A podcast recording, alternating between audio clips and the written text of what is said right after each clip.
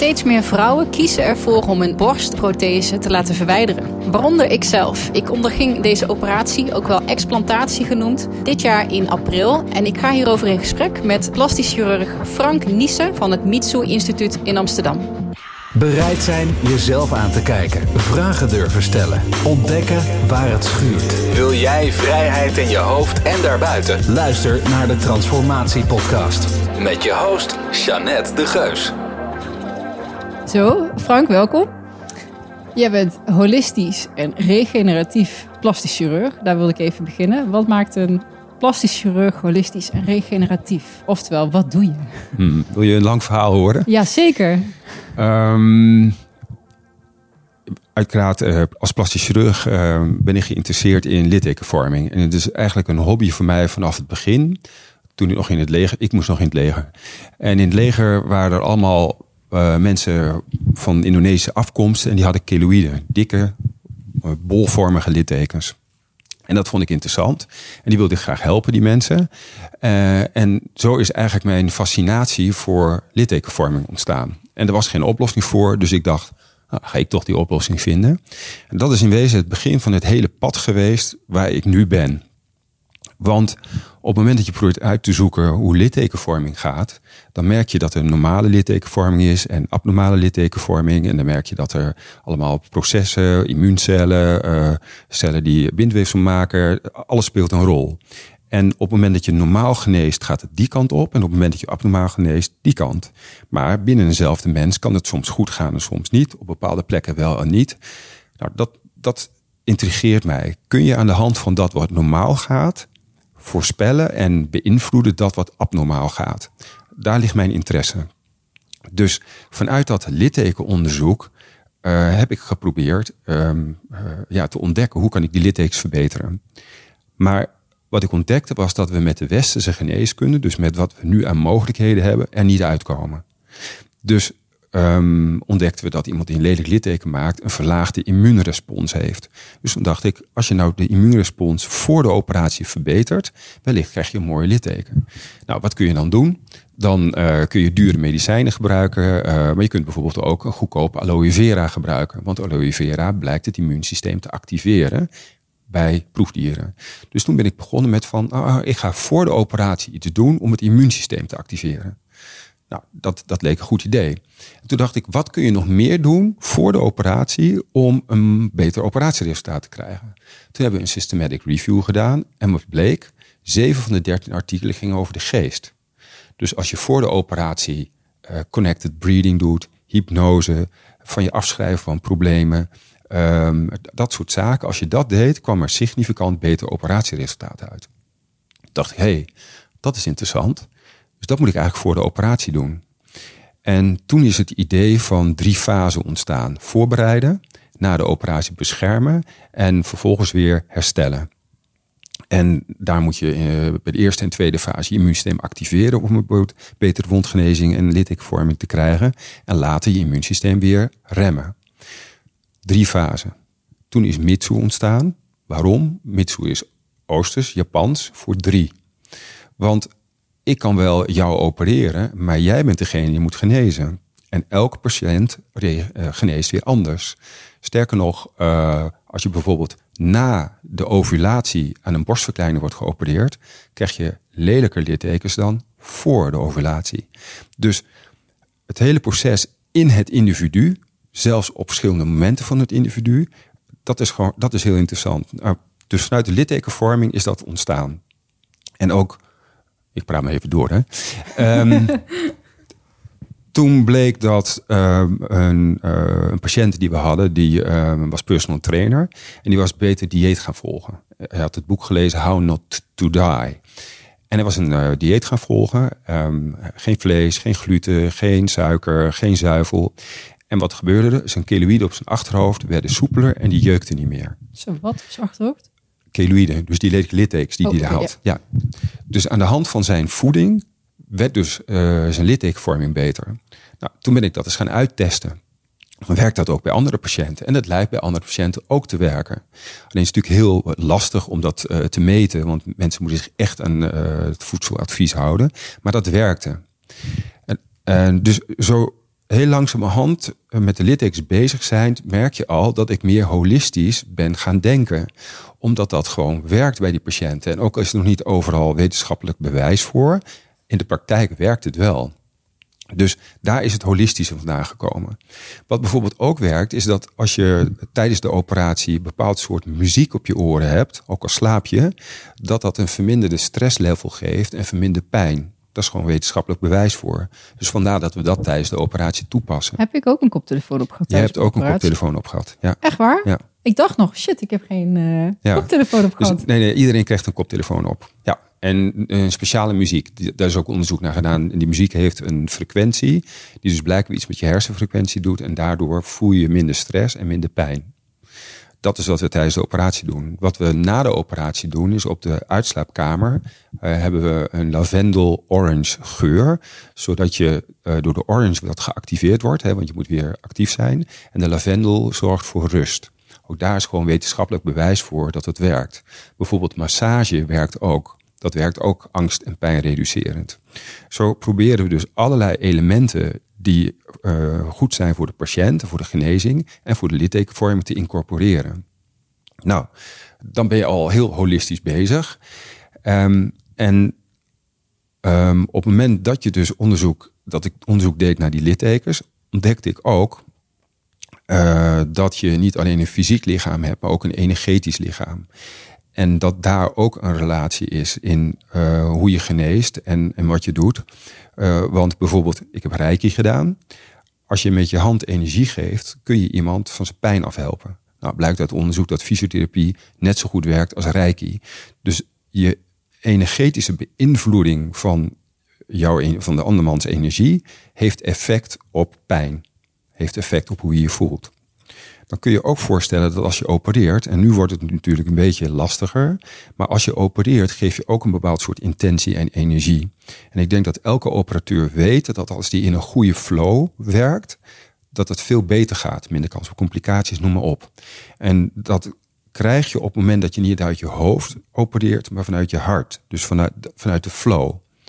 Nou, al deze elementen bij elkaar, die heel langzamerhand in mijn ontwikkeling en onderzoek zijn ontstaan, zijn er, hebben er eigenlijk voor gezorgd dat ik meer holistisch ben gaan denken. Vandaar uh, die term. Ja, ja lang verhaal. Nee, uh, ja, ik zei het net al, heb ik een koptelefoon op gehad, want jij hebt mij geopereerd. Dat is de reden dat ik hier zit. Uh, je hebt een explantatie bij mij gedaan. Je mhm. hebt mijn borstprothese verwijderd. nu de reden ook dat ik je graag wilde spreken, is dat een onderwerp waar denk ik of heel veel vrouwen zich of niet bewust voor zijn, of dat een beetje wegmoffelen. Hè? Wat ik deed, van ik had wel wat dingetjes gezien, maar denk ja, het zal wel. Um, waarom, laten, waarom laten vrouwen hun borstprothese verwijderen? En wat zijn een soort van symptomen? Stel dat er iemand luistert, zegt ik heb prothese. Mm Oh, moet die verwijderd worden? Waar moet ik dan op letten? Ja. Wat is daar? Nou, ik denk dat je eerst moet gaan kijken van uh, waarom wil je borstimplantaten? Dat kan zijn om een reconstructie naar borstkanker bijvoorbeeld. Maar het kan ook zijn dat je zulke kleine borsten hebt uh, dat je eigenlijk je niet vrouwelijk voelt. Dus dat het je helpt in je zelfvertrouwen, maar ook in hoe je uh, lichaamsbeleving, maar ook de kwaliteit van leven, die kan verhoogd worden. En het is ook aangetoond dat als je implantaten hebt, dat dat een betere kwaliteit van leven geeft. Dus daar begint eigenlijk waarom je dat wil. Uh, en het zou dus kunnen zijn dat de groep vrouwen die implantaten wil, nog, nog afgezien van reconstructie, dat het een geselecteerde groep is. Nou, wat je um, moet bedenken is dat implantaat hoort niet in het lichaam. Dus het lichaam stoot dat af. Die maakt een kapsel. In dat kapsel zitten immuuncellen, macrofagen, reuscellen. Uh, dat kapsel ligt daar. En in principe is het lichaam dan, denk je, veilig voor het lichaamsvreemde. Want als je een, eh, een, eh, een houtsplinter in je vinger hebt, dan pust die naar buiten. Een, een ijzersplinter, uh, dat kan jaren duren, maar die komt ook naar buiten. In het implantaat lukt niet zo goed. Dus dat is echt de basis. Ander punt is dat die implantaten altijd een beetje siliconen zweten. En we hebben net in de vuur aangetoond dat als je een dik kapsel hebt, een samengetrokken dik kapsel, dan zitten daar heel veel siliconendeeltjes in. En in een dun kapsel nauwelijks. Dus dat is zeg maar datgene wat we weten van de borstimplantaten. Nu is er een groep vrouwen en ik denk dat het een subgroep is, die krijgen uh, onverklaarbare gekke klachten. Die niet bij een bepaalde ziekte passen. En dat zijn heel verschillende soorten klachten. Op de voorgrond staat vermoeidheid, uh, woordvindingsstoornissen, droge ogen, nachtzweten, griepgevoel, uh, gewrichtsklachten, huidafwijkingen, hartkloppingen, beklemd gevoel op de borst, uh, misschien wat benauwd gevoel, uh, depressiviteit. Nou, het wordt steeds erger. Het is, het is een heel scala. Je kunt tintelingen in je spieren krijgen. Je kunt uh, vermoeide spieren krijgen. Je kunt, nou, het is een, een heel breed scala aan klachten waarvan je denkt dat past nergens bij. En er is natuurlijk gedacht van het zijn reumatische klachten, maar ook daar past het niet helemaal bij. Dus voordat je erachter komt dat vrouwen met implantaten deze klachten hebben, ben echt jaren verder. En ik denk dat er nu uh, meer inzicht is dat als je die combinatie aan klachten hebt en je haalt de implantaten eruit, dat dat in de grootste deel van de patiënten verbetering geeft van de klachten. Maar hoe het precies zit, dat weten we niet. Zijn er toch die kleine deeltjes siliconen die in je lichaam terechtkomen, die lokaal um, of toxisch zijn of lokaal een afstotingsreactie geven? Dat zou kunnen. Maar het is ook mogelijk dat de immuunreactie rondom je implantaat, waar dat kapsel zit, dat die cellen die daar zitten eiwitten produceren, uh, pro-inflammatoire eiwitten, die via je bloedbaan elders reactie kunnen geven. Dat is ook mogelijk. Dus hoe het precies zit, dat weten we niet. Maar dat er iets aan de hand is, dat weten we ondertussen wel. Dat dat nog onvoldoende wetenschappelijk bewezen is, dat is duidelijk. En uh, natuurlijk wordt er gedacht dat als je de implantaten uithaalt, dat het een placebo-effect zou kunnen zijn dat je verbetert. Maar dan ben ik heel graag een placebo-effect. Want dan, ja, dan ben ik waanzinnig placebo-effect. Um, nee, dat, dat geloof ik dus niet. Um, uh, dus het heeft echt te maken met jij als persoon die uh, blijkbaar niet goed tegen iets lichaamsvreemds kan.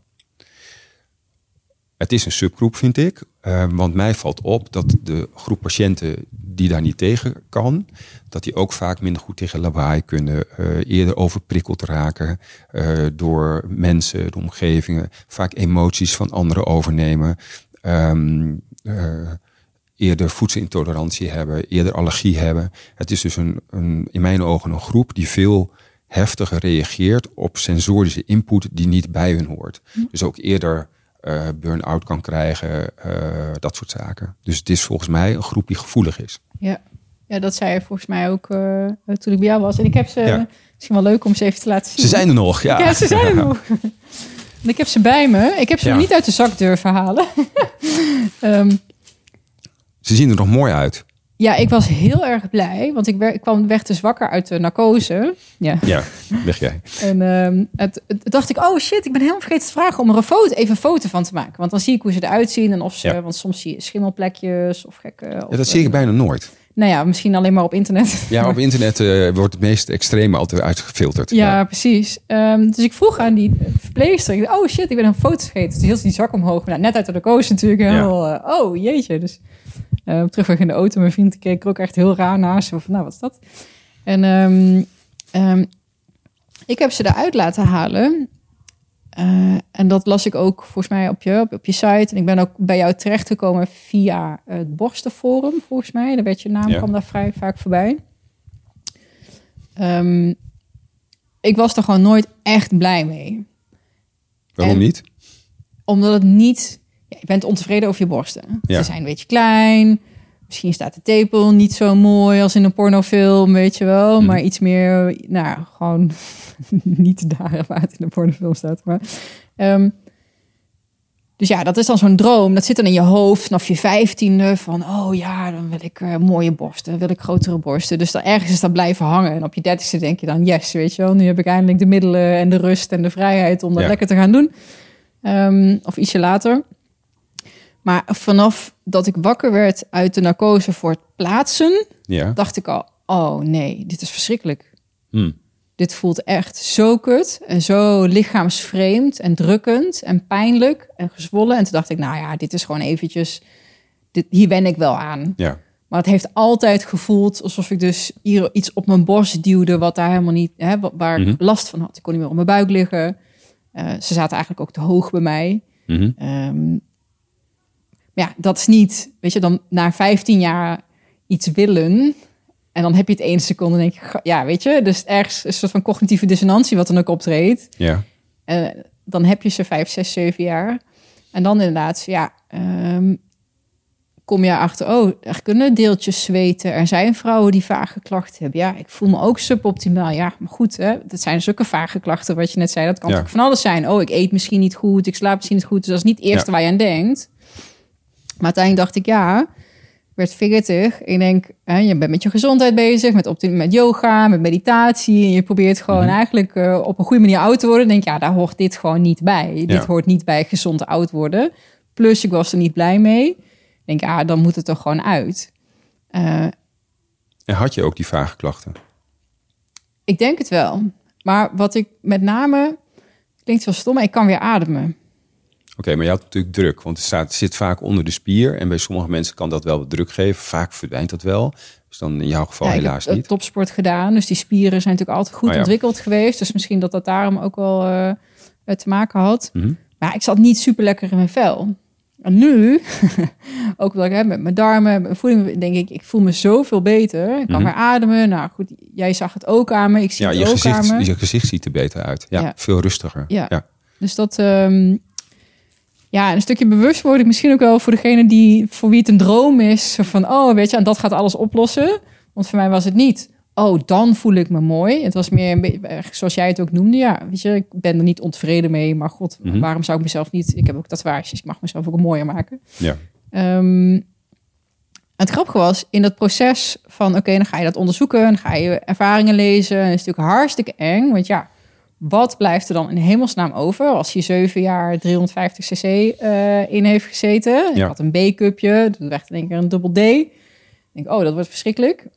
Ehm, en het is best wel een zoektocht dan om erachter te komen... wie je dan gaat opereren. Als je zo bewust bezig bent met je gezondheid, met je lijf... Mhm.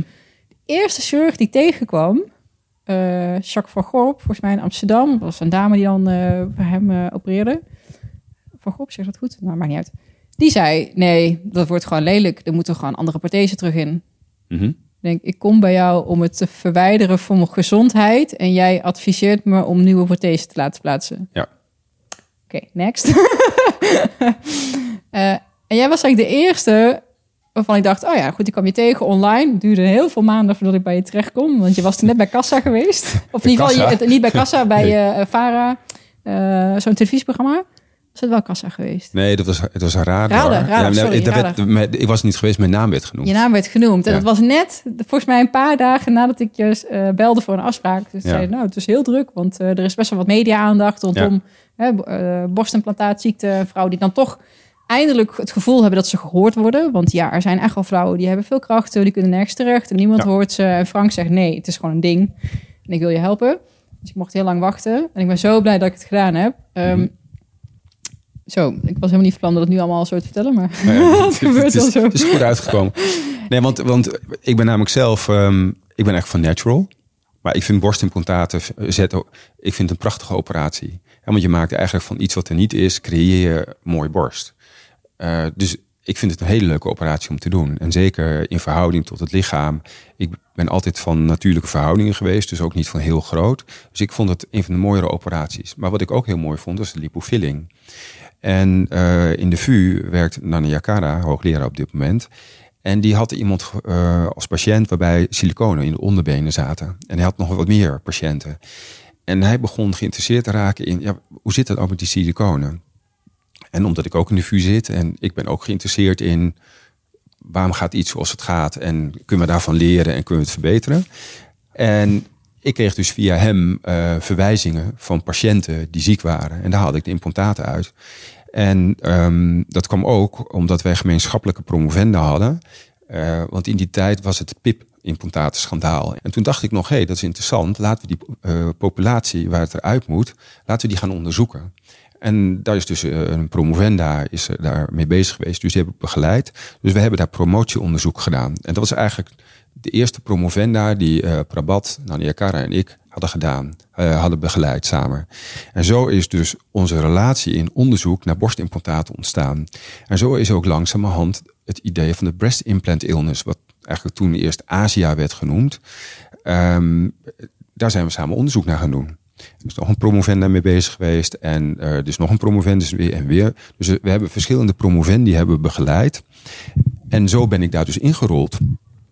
Tegelijkertijd, mijn holistische visie ging in zijn algemeenheid over uh, patiëntenbehandeling. En ik vond daar toch wat weinig weerklank. Kom wel, maar altijd als je iets nieuws wil, dan, uh, dan, dan, is iedereen tegen. Je moet, je moet iedereen met je energie moet je altijd enthousiasmeren. En als het er eenmaal is, dan is het van iedereen. En dan heeft in één keer iedereen het bedacht. Toen dacht ik, oké, dan moet ik voor mezelf beginnen. En Belinda, die zit daar aan de overkant. met haar heb ik 14 jaar samengewerkt. En Um, wij zijn dat samen gaan opzetten. Dus zij het vrouwelijke deel en ik het mannelijke deel. En um, het begon dus eigenlijk met die holistische visie. En op de een of andere manier tegelijkertijd ontstond dat ook van die borstimplantaten. En toen bleek dat onze visie heel erg paste bij de detox van mensen met implantaten.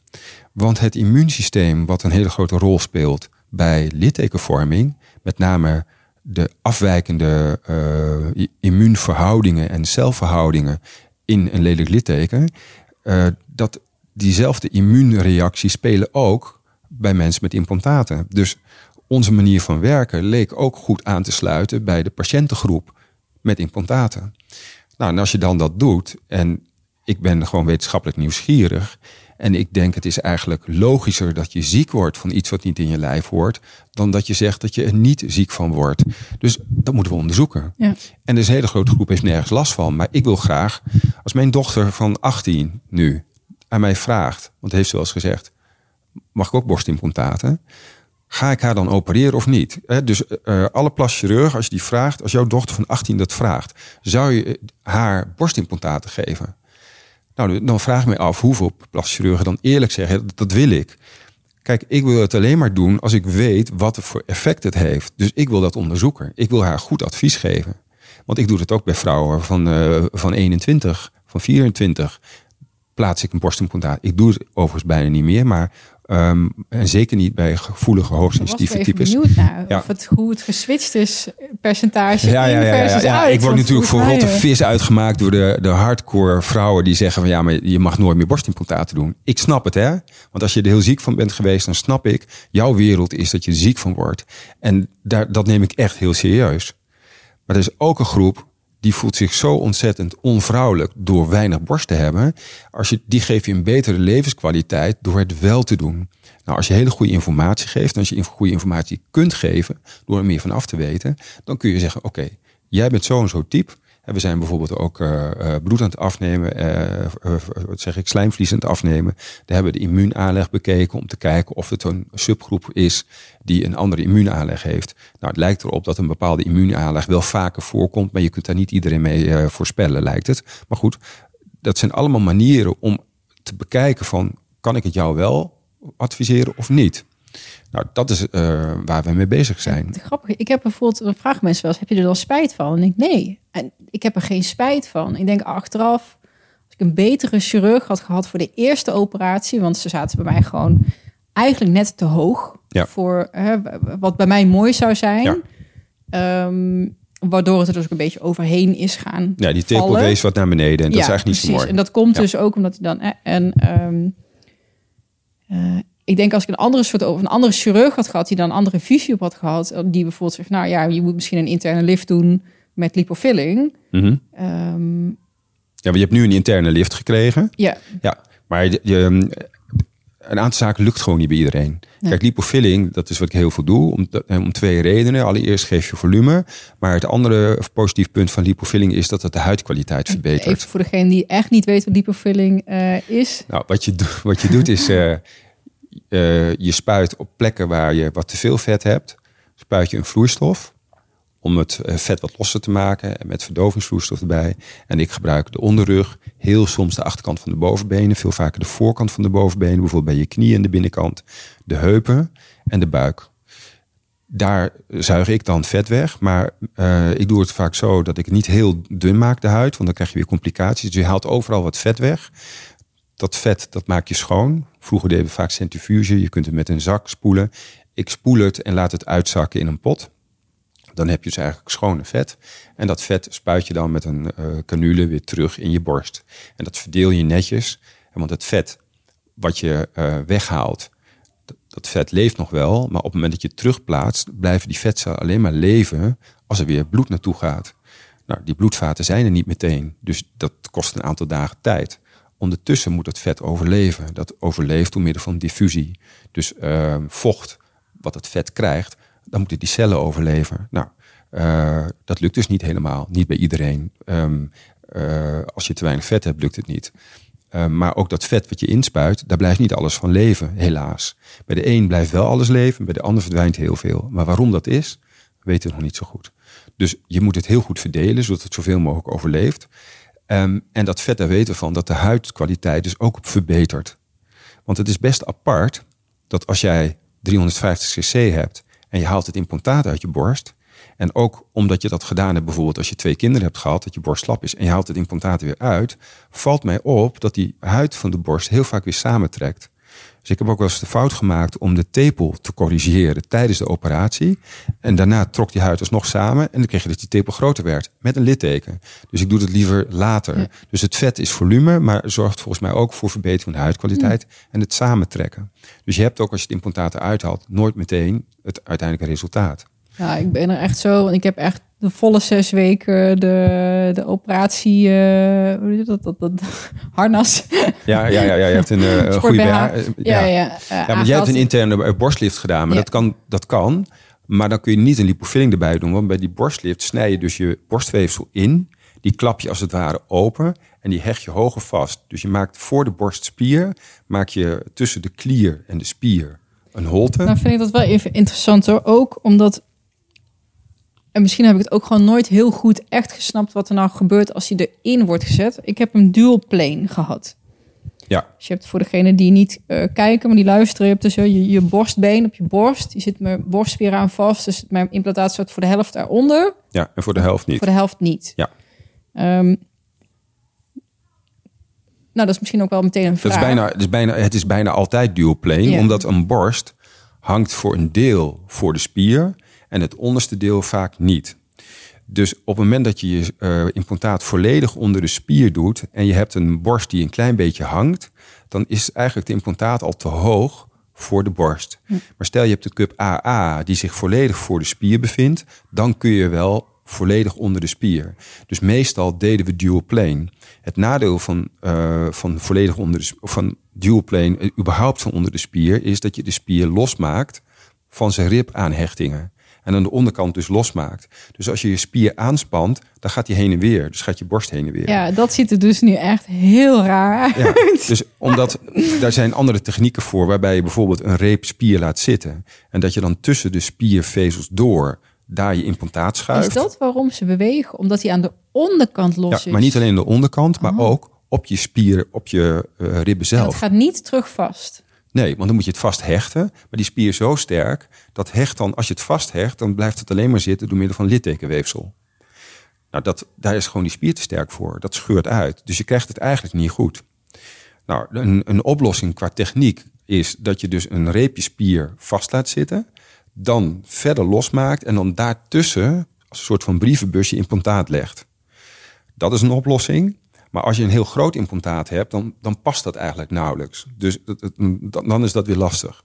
Een andere oplossing is dat je een implantaat neemt die heel erg vastgroeit. Bijvoorbeeld een polyurethaan. Die kun je er wel onder doen. Die groeit veel meer vast in zijn omgeving. Als je dan aanspant, dan gaat die niet meebewegen.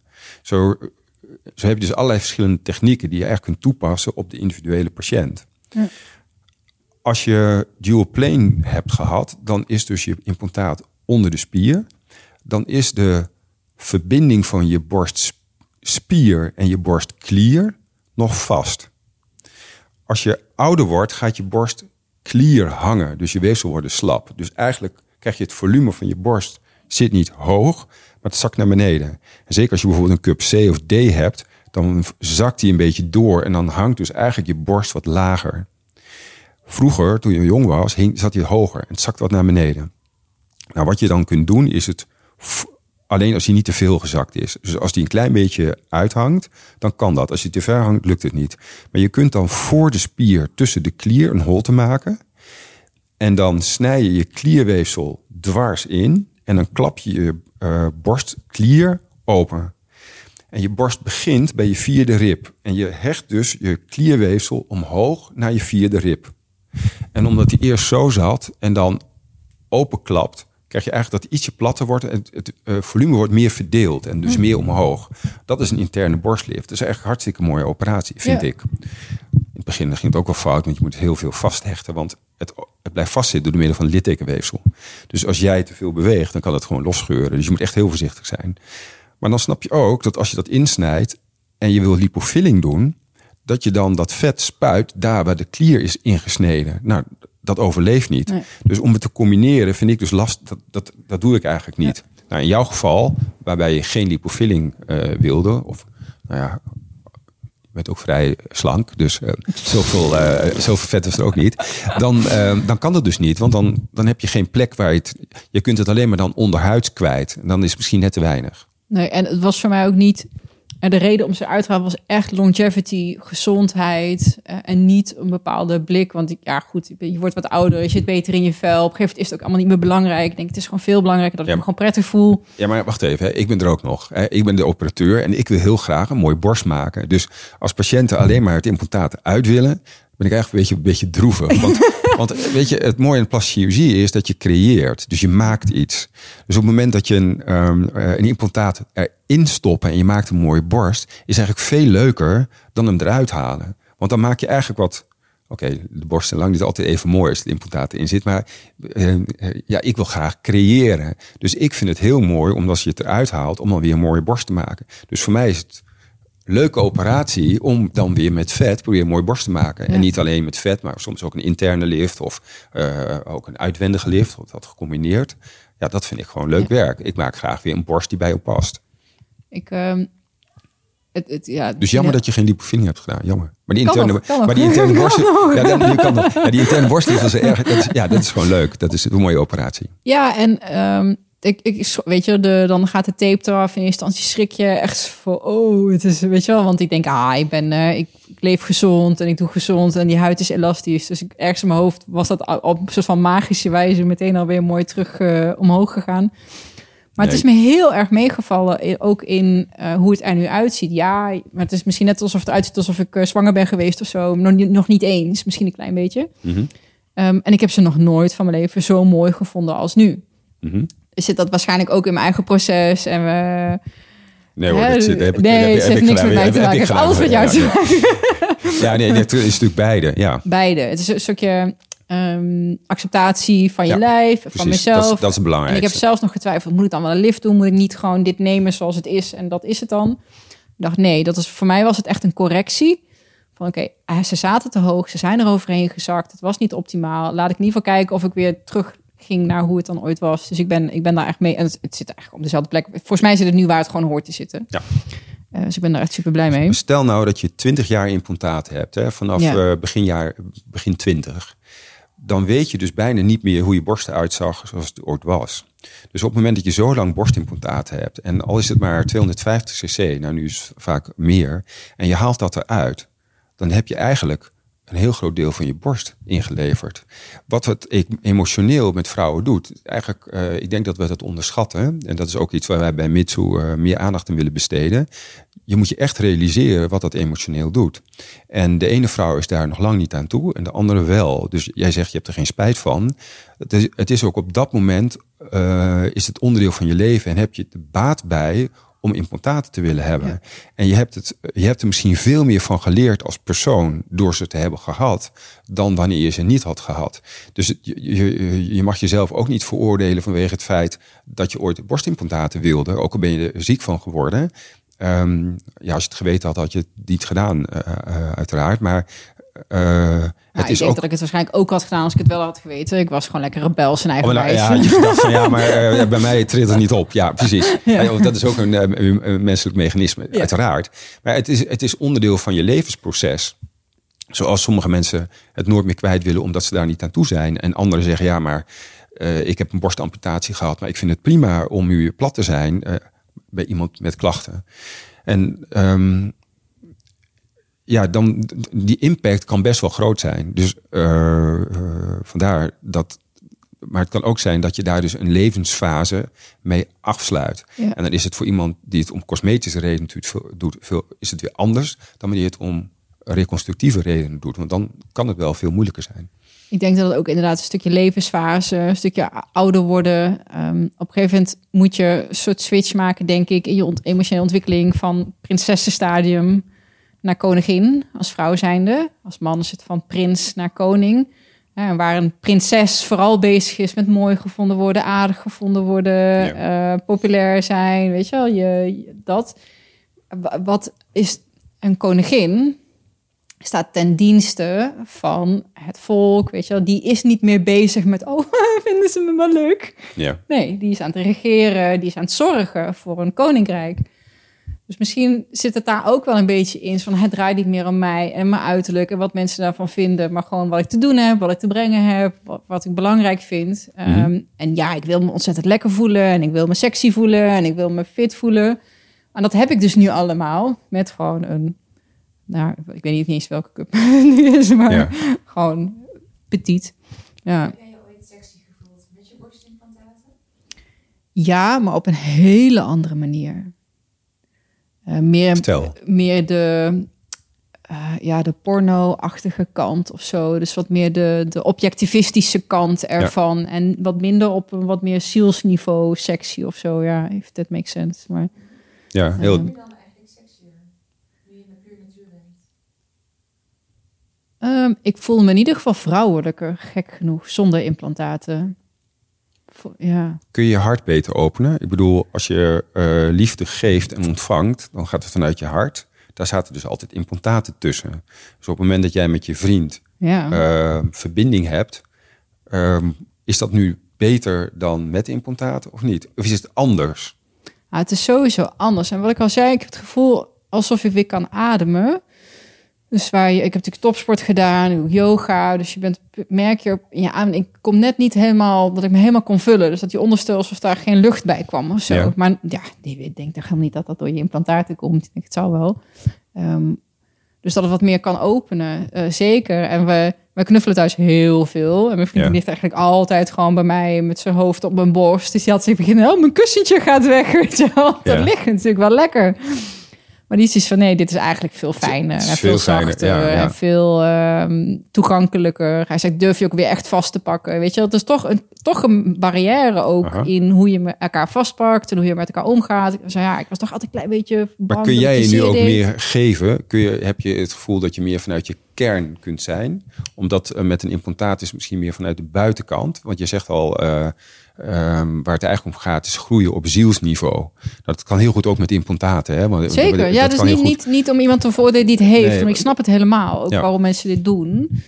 Ehm, heb ik het nog niet zo ehm, ervaren of bij stilgestaan. Maar ik ga er eens, eh, dat is wel interessant om daar eens op te Ja, gaan letten. Ja vaak worden vrouwen vrijer in hun seksualiteit juist door borstimplantaten. Omdat ze uit onzekerheid in hun seksuele contact kunnen sluiten. Omdat ze het idee hebben over zichzelf dat ze niet mooi genoeg zijn, niet voldoen aan het perfecte pornoplaatje zoals jij het eigenlijk omschrijft.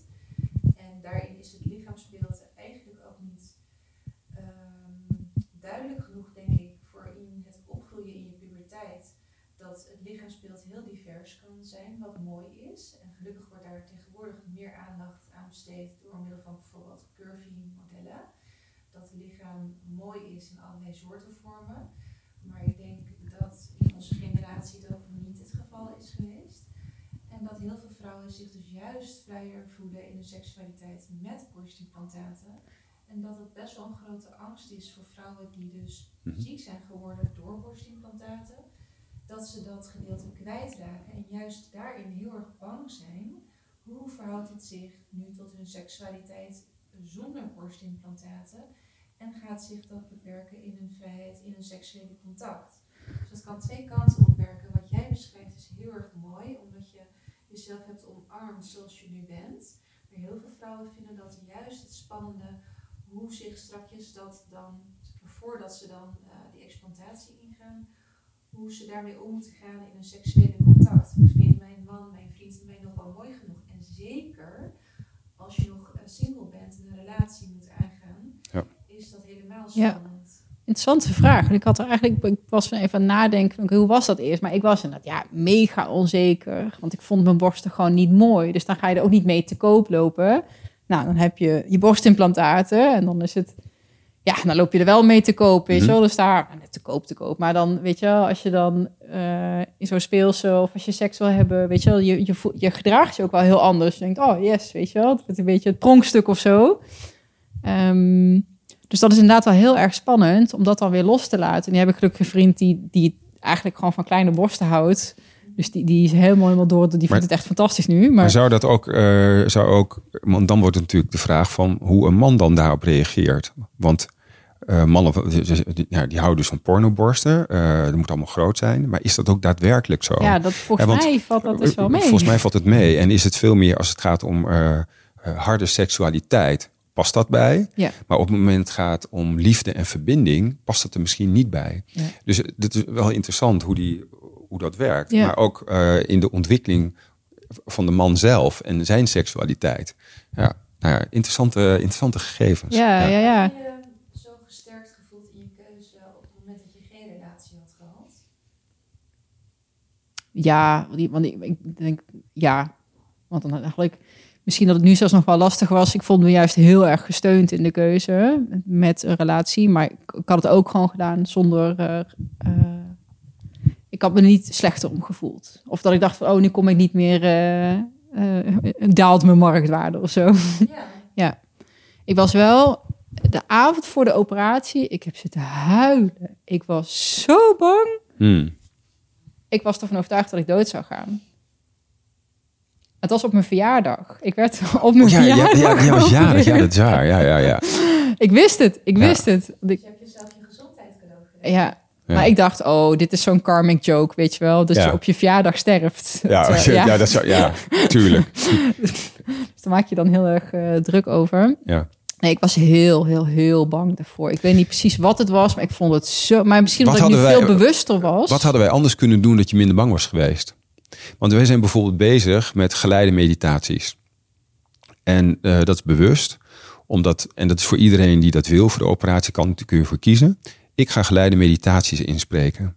Op het moment namelijk dat je mijn stem hoort, en het is ook de stem die vlak voor de operatie jou vraagt of er nog vragen zijn eh, en, eh, contact met je heeft, dan hoor je dus de stem en dat eh, linkt natuurlijk onbewust naar de geleide meditatie waarin je rustig wordt en zou ervoor moeten zorgen dat je ook relaxed de operatie ingaat.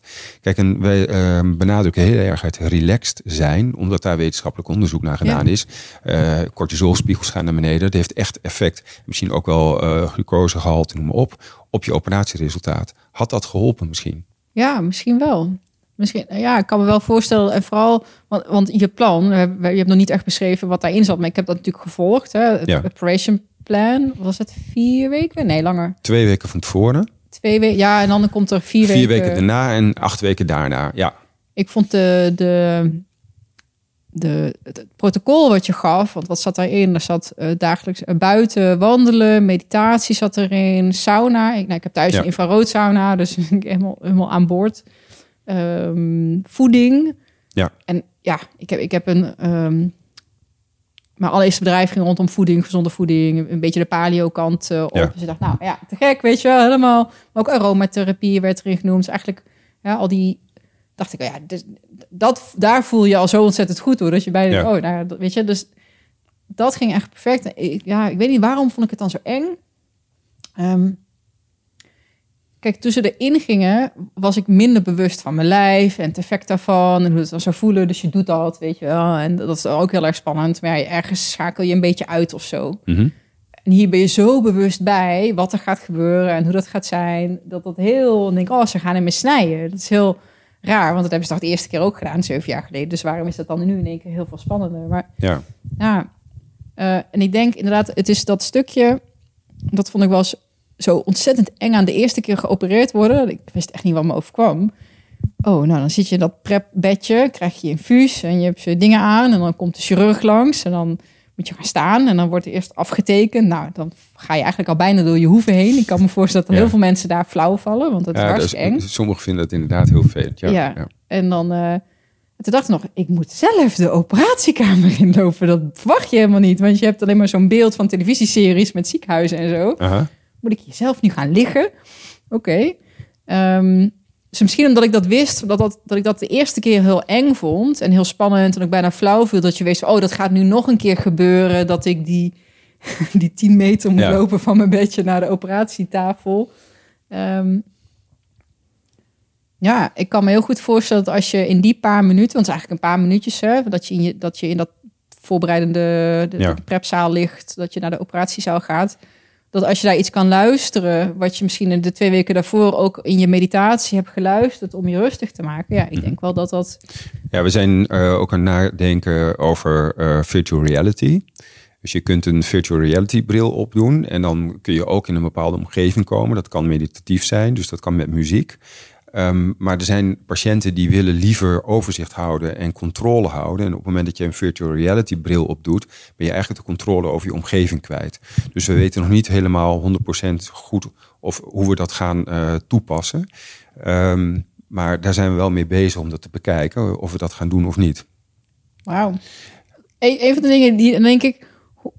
Ik ben helemaal aan boord. En ja, de wetenschap heeft het misschien nog niet helemaal uitgedokkerd. Daar komen ze over twintig jaar. Als dat ze nu achterkomen. Ja, meditatie is echt heel goed voor. Ja, dat Ja. is dus duizenden jaar geleden al. Maar goed, Ja. fijn dat wij er nu ook achter zijn. Ja, ja de, maar de Oosterse geneeskunde is helemaal, wordt in het Westen helemaal niet serieus genomen. Het is veel ouder. Dus, dus ik, ik snap dat ook niet. En je moet daar gewoon de goede dingen ja, mijn uithalen. chirurg had aromatherapie en die had kristallen op zijn, eh, in zijn eh, eh, Ik word behandelkamer. door mijn collega volledig afgeschreven als spiritueel en kwarts, kwakzalverij.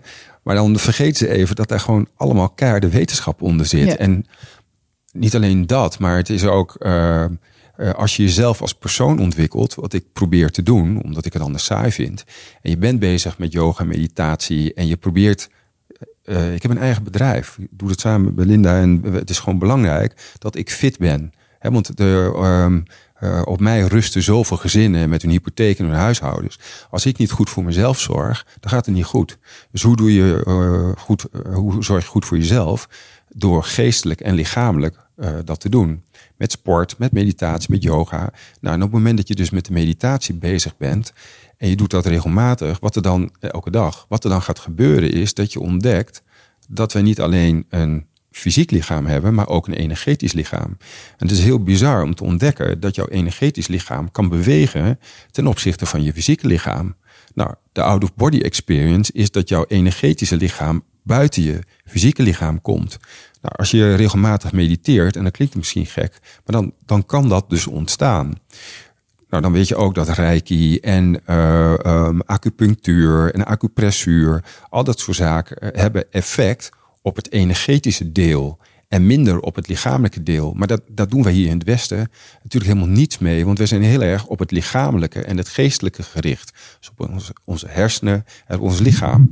En op het moment dat je dus eh, probeert goed voor jezelf te zorgen, ontdek je ineens dat er iets energetisch is, wat ook heel belangrijk is. Nou ja, eh, iedereen weet dat, dat, dat er een energetische verbinding tussen man en vrouw kan zijn. Een seksuele verbinding eh, die je kunt voelen. Je kunt voelen als je naast iemand in de bus zit of, dat, of je daar wel naast wil zitten of niet. Dus we zijn allemaal best wel gewaar dat die energie er is. Dat is eigenlijk de Oosterse geneeskunde. En daar doen we niks mee. En wat dacht je van de Zuid-Amerikaanse geneeskunde? Eh, met de, de paddenstoelen, de ayahuasca's, de, de kruiden, noem maar op. In al die, nou, de shamanen, eh, in al die geneeskundige hoeken zitten elementen die van waarde zijn voor ons hier, voor jouw operatie, die jou kan helpen, maar die mij kan helpen om samen met jou een beter operatieresultaat te krijgen. Waarom zou ik dan daar niet voor openstaan? Die nieuwsgierigheid die moet je toch hebben. En als daar gewoon bewijs van is, waarom pas je dan niet toe? Waarom doet niet iedereen die muziek op de oren? Ja, omdat het lastig is om, een, om eraan te denken dat je een koptelefoon hebt, noise cancelling, dat de juiste muziek er is, dat die door blijft draaien en dat je die op het hoofd zet. Dat is gewoon een gewoonte. En een gewoonte leer je in drie maanden, dus het, het kan. Maar we doen het niet, omdat we het niet doen. Ja, de, de- bizar eigenlijk. Het is toch veel te leuk om, ja, maar dat vind ik, hè. Want als je steeds eh, met dezelfde dingen bezig bent, er zit ontwikkeling in. Dus ja, inderdaad, virtual reality zou dat kunnen helpen. Ga het proberen en zoek het uit. Maar hoe, die kan ik nog even niet helemaal goed voor me zien. Hoe, Stel, ik had nu die, die virtual reality erbij gehad. Ja. Wanneer had je dat dan gedaan? Voor de operatie. In, in die, zeg In dat- maar, dat half uurtje dat je Ja. geprept wordt, daar Ja. zit te wachten. en Dat je ligt te wachten en dat je eh, daar bent. Kijk, je komt beneden en je kunt, je kunt ervoor kiezen om een tijdje beneden te zitten. eh, in ons operatiecentrum. Ik was een half uur te laat, dus ik mocht Oké, jij moest- boven. moest- Ja, natuurlijk. Want eh, in die tijd liep ik nog voor. Maar Ja. ehm, het gaat er dus om hoe lang lig jij in het bed voor de operatie. Nou, als je zenuwachtig bent, dan heb je in ieder geval een warm bed nodig. Dus wij hebben de, de verwarmingselementen, de, of de, de lucht, de verwarmingslucht die we altijd op de OK ook gebruiken, die stoppen wij nu van tevoren in het bed. Zodat iemand die daar komt die zenuwachtig is, die krijgt wat koud. Die komt nu in een verwarmd bed. Dus dat is al nummer één. Kijk, als je die virtual reality doet, dan krijg je een bepaald soort muziek, maar ook beelden eh, waarin je een soort van meditatieve staat kunt komen. Dat zorgt er dus voor dat jij je relaxter voelt. Maar dat moet je, dat moet je wel willen, want je, je, je ziet dan een wereld om je heen. Ja, precies. Dat voelt dan ook wel eng. Oh, eh, weet je wel? Ja. Een beetje schizofreen bijna. Ja, of, of, ja, eh, dat, dat, dat ja. is zo. Maar, maar eh, ehm, dit soort zaken worden natuurlijk al gebruikt ook bij kinderen. voordat ze geopereerd moeten worden. Maar wat dacht je van hypnose? Hypnose gebruiken om pijn te reduceren, wat natuurlijk toe wordt gepast. Dus ehm, Ik denk dat ik misschien Ja. daar nog wel het meest... Dat zou ik bij mij denk ik het meest re- eh, resoneren. Om daar... Om, nou, dat kan je natuurlijk ook zelf doen met autosuggestie. Ja, eh, of maar- affirmaties. Maar Maar daar speelt dus eigenlijk een van tevoren een eh, geleide meditatie doen. Is eigenlijk ook een soort van hypnose. ja. Omdat dat namelijk weer in je hersenen op dezelfde plekken geactiveerd wordt. Ik was bijna een beetje teleurgesteld toen ik wakker werd uit die hypnose. Ik dacht, oh, ik ga er nu zo bewust in. Ik had me ook al volgen, nou, voorgenomen. Zo van, nou, vlak voordat ik weet dat ik in slaap val, wilde ik een leuke gedachte of denken Ja. aan een vakantie of iets. Ja. Maar ik was alleen maar bezig met, eh, help, ik wil goed onder het zeil gaan, want ik was bang dat ik wakker zou worden en ik was bang dat ik dood zou gaan. Dus ik, bijna Maar- een beetje als een gemiste kans, waar ik de eerste keer onder de kozen wakker werd, zo van, "Oh, ik heb de beste slaap gehad die ik ooit in mijn leven heb gehad. Ik Ja. voelde me zo verkwikt en helemaal vers, dat je het een beetje verwacht dat dat die ook Ja, gebeurde. eh, nu was het niet zo. Nu was het niet zo, maar hoe is dat voor jou? Want jij, eh, de, de, patiënt is onder cel. Ja, En die elkaar zijn natuurlijk een aantal mensen die je helpen. Ik vind het heel interessant ook hoe je zo bewust en met je ontwikkelingen en spiritualiteit bezig bent. Terwijl je ook gewoon aan het snijden bent Ja. in een lichaam. Dat lijkt dan heel tegenstrijdig. Een daad van agressie eh, naar een ander.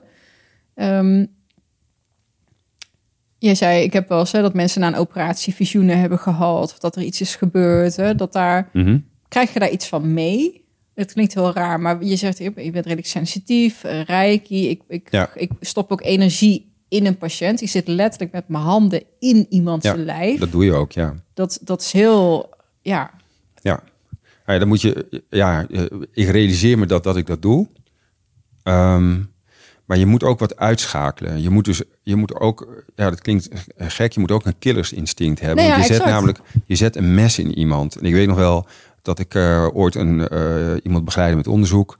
En die wilde ook plastic chirurg worden. Maar die had al moeite om een biopt te nemen van het litteken. Dus ehm, wist ik al van ja, maar jij gaat het lastig vinden om iemand te snijden. Dat gaat echt, er moet een knop om. Maar eh, tegelijkertijd moet je bedenken dat ik het met een intentie doe. Intentie, om een voorbeeld te geven. eh, we hebben een littekenpolie in de vuur waar ik werk. Onder andere naast Mitsu. En eh, daar prikken we mensen met corticosteroïden in littekens. En als ze prikken, dan, dan werkt het bijna altijd. Terwijl ze bij elders geholpen zijn en dan werken die injecties niet. Hoe kan dat nou? Wat is nou het verschil? Nou, toen sprak ik met iemand die Chinese geneeskunde had gedaan. En die zegt van ja, het heeft heel erg met intentie te maken. Dus op het moment dat jij een prik geeft, dus je doet een techniek. Ik geef een injectie, dus ik ben bezig met eh, de naald moet erin en zo. Ehm, dat is anders dan wanneer je een, met een intentie een prik geeft om iemand te helpen. Dus ik, geef een, eh, ik behandel jou om je litteken te veranderen. Nou, dat is een hele andere intentie. Nu wordt het wel een beetje vaag, maar ehm, ik merk dat dat dus van belang is. Dus op het moment dat je iemand snijdt met de intentie diegene te helpen om daar iets moois van te maken, dan is dat ook wel goed te doen. Dus op het moment dat ik alleen maar snij, dat, dat, werkt, dat werkt natuurlijk niet. Dus eh, ik doe dat met een intentie. En dan kan het. En ehm, eh, dan, kan ik, dan schakel ik dus eigenlijk niet uit. Dan kan ik die operatie doen. Het wordt al lastiger om dat te doen op het moment dat je een familielid behandelt. Of iemand van wie je houdt bijvoorbeeld. Dan wordt het veel lastiger om eh, de rol uh, houden van familie. Om je los te laten en dan de, de professionele afstand te houden van dokter-patiënt. Dus dan wordt, dan wordt het al moeilijker. Um, dus um, op het moment dat ik op de poli met patiënten ben, ben ik ook anders dan wanneer ik op de OK-dag ben. Dus ik zit in een hele andere concentratie. Dus wordt mij wel eens verweten dat ik te gehaast ben op de OK. Maar dat ben ik niet. Ik ben gewoon heel geconcentreerd en doelgericht en efficiënt bezig. Wat ik daar heb gedaan is dat ik gewoon langzamer teken. Dan, dan heeft hij het idee dat ik. Maar je, maar je, je concentratie is heel anders. Um, ik kan ook niet heel erg over koetjes en kalfjes praten tijdens de operatie. Een collega kunnen het misschien wel. Uh, ik heb ook muziek aan die relaxed is. Uh, en ik zit dus niet, als ik praat met de uh, OK-assistent, zit ik dus in mijn hoofd. Terwijl ik eigenlijk vanuit mijn hart wil opereren, vanuit de flow. En daardoor praat ik dus veel minder. En um, geef ik op die manier de energie door eigenlijk op dezelfde manier als dat bij Reiki gaat. Bij Reiki geef je ook energie door. Het is geen uh, Grace Anatomy tafereelen dat er over en weer wordt geflirt terwijl er iemand op de EK-tafel ja, dat, gaat, dat is natuurlijk geheid, is dat, uh, is dat zo. Maar ik kan pas goed werken als dat niet gebeurt. En ik weet nog wel dat ik uh, vroeger wel eens te veel uitliep bij operaties. En dat ik dacht van, oh jee, ik moet snel opereren, want dan moet ik snel klaar zijn. Dat werkt averechts op het moment dat je dus in het nu bent, en, dan, en dat klinkt ook weer spiritueel, maar dat is eigenlijk ook wat je bij de meditatie leert. Als je in het moment bent en bij een operatie elke stap goed doet en goed afmaakt, dus niet uh, een bloedvaatje nog laten bloeden, omdat je, en dan krijg je er daarna weer last van. Nee, die stap moet af zijn. Dus je bent in het moment en je maakt elke stap maak je netjes af. En je doet het gewoon op een relaxte manier. Dan ben je gewoon heel snel klaar, want dan ben je heel efficiënt. Uh, dus dat is iets wat ik in de loop van de tijd aan ervaring zelf heb geleerd. Dat je veel sneller bent als je uh, relaxed bent en als je het laat stromen. Dat is eigenlijk flow. Want ik, ik weet niet of dat. Waarschijnlijk is het ook hè, borsten erin, is dat een veel grotere ingreep. Ik heb niet eens een blauwe plek gehad. Niks. Geen zwelling. Nee, nou, oké, nee, is niet waar. Het is niet, niet helemaal waar. Ik heb twee blauwe plekken gehad. Maar ja, ik maak natuurlijk bij, um, bij, het, als je een borstvergroting doet, maak je veel meer kapot. Ja. Dus je moet onder de spier, je maakt de spier los van de, uh, van de uh, ribben. Dus je maakt veel meer kapot. Als je hem eruit haalt, is dat allemaal al gebeurd. En dan uh, doe je dat niet. Kijk, als je een lipofilling doet, wat jij niet hebt gehad, dan, dan krijg je wel veel meer bloeduitstorting. Ja. Um, en, eh, maar anders heel weinig. Ja, en je hebt die interne lift gehad. Dus dat geeft iets bloeduitstorting. Maar dat zit natuurlijk wel binnenin het hoogte van de spier. Dus dat zie je niet heel erg. Dus dat zou je wel kunnen zien in zwelling. En meestal heb je nauwelijks pijn van de operatie. Het verwijderen van implantaten. Lang niet zoveel als van het, het inbrengen van implantaten. En, um, en, misschien is dat een hele gekke vraag hoor. Maar heb je wel eens meegekregen terwijl je aan het opereren was... dat er iets met degene die op tafel lag, dat je uh, door had dat er bijvoorbeeld uh, een, een, een, spirituele ervaring of een out of body of een, wat je, we hebben wel eens hè, dat mensen wakker worden zeggen dat zei het voor de uitzending ja. van goh, dat iemand echt een visioen had gehad of uh, ja. iets mee had gemaakt. Krijg je daar iets van mee? Nee, ik kan, daar krijg je niks van mee. Helemaal, daar ben dat, ik... dat staat daar, ja, interessant. Ja. Dus je bent wel helemaal in die flow en in, ja. in het moment, maar daar wel helemaal los van wat er met die persoon op dat moment nou, niet los natuurlijk, maar... Ja, um, als jij bij mij op de poli bent en ik zie jou zitten en ik kijk in je ogen, dan, dan weet je eigenlijk al alles. Dus de houding, uh, of je ogen stralen of niet, hoe je gezicht is. Daarin kun je heel veel lezen van iemand, hoe die zich voelt. En die energie, dat hebben we natuurlijk onbewust allemaal, uh, zie je dat. Je ziet of iemand vitaal is, je ziet of iemand gezond is. Dus, dus dat, dat zie je. Je ziet ook of iemand zichzelf verbergt, of de energie uh, stroomt, uh, of je een dikke buik hebt, of je je schouders goed hebt. Dus in één oogopslag kun je iemand eigenlijk lezen. Volgens mij doen we dat allemaal, een meer bewust dan de ander. Dan kun je ook um, voelen aan iemand waar die behoefte aan heeft of niet. Maar als je opereert, dan uh, allereerst is natuurlijk die patiënt uitgeschakeld, die, die, die, wordt beademd. Dan ben ik toch veel meer met de techniek bezig, met het, het doen van de operatie, hm. dan dat ik uh, uh, iets voel van die patiënt. Ik ben me er wel van bewust dat ik in het heiligdom van de patiënt bezig ben. Ja. Ook nog eens een borst. dus je bent, je, je, bent wel, ik ben wel bewust van het feit dat ik in een patiënt aan het opereren ben. Dus daar heb ik wel. Uh, daar doe ik niet uh, onrespectvol. Uh, ga ik daarmee om. Dus ik, ga er wel met respect mee om. Maar ik ben echt wel een techniek aan het doen. Ja, ja, ja. Ah, ik vind het echt zo fascinerend. Uh, wat was voor jou het startpunt om je los van de, van de littekenvorming, om je meer als persoon te willen ontwikkelen? Hoe ben jij bijvoorbeeld op dat meer spirituele pad gekomen? Um, ik had de 4-hour work. Nee, hoe heet het ook weer? De Miracle Morning was dat. Um, mijn uh, voormalige partner, die was s'avonds altijd moe. En uh, dus dacht ik, nou, we gaan gewoon eerder slapen. Maar dan sta ik ook eerder op. Dus dan sta ik eerder op. Wat ga ik dan doen in de ochtend? En toen had ik de Miracle Morning gelezen, een boekje. En dat ging over meditatie en het ging over oefeningen doen en noem maar op. Toen dacht ik, nou, ik ga beginnen met een ochtendritueel. Dus ik ben toen begonnen met een ochtendritueel. Um, en mijn partner had het ook over tantra. En dan mocht je 21 dagen geen orgasme hebben. Nou, dan wordt het heel persoonlijk, maar vooruit.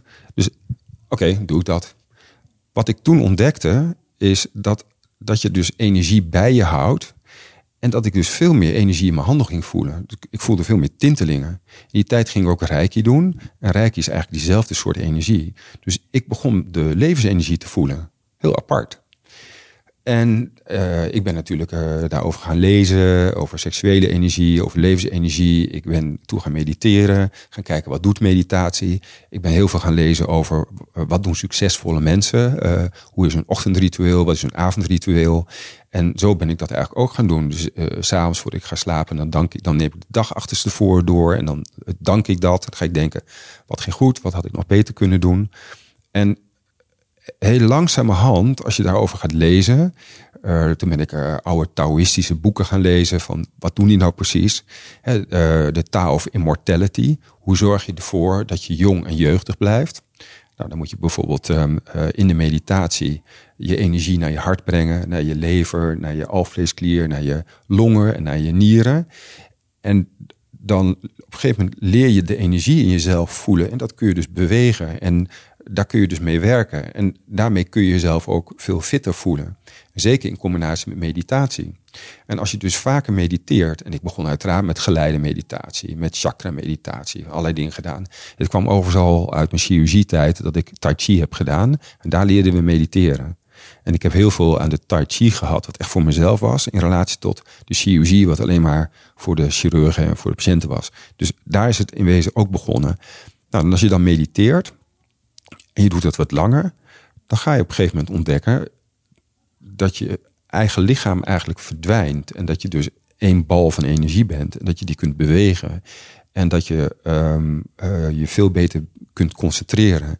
Ik had vroeger een beetje een ADHD-brein, dus ik ging overal naartoe. Ik kon heel veel dingen tegelijkertijd. En nu ontstaat er veel meer een rust en een soort van weten en wijsheid.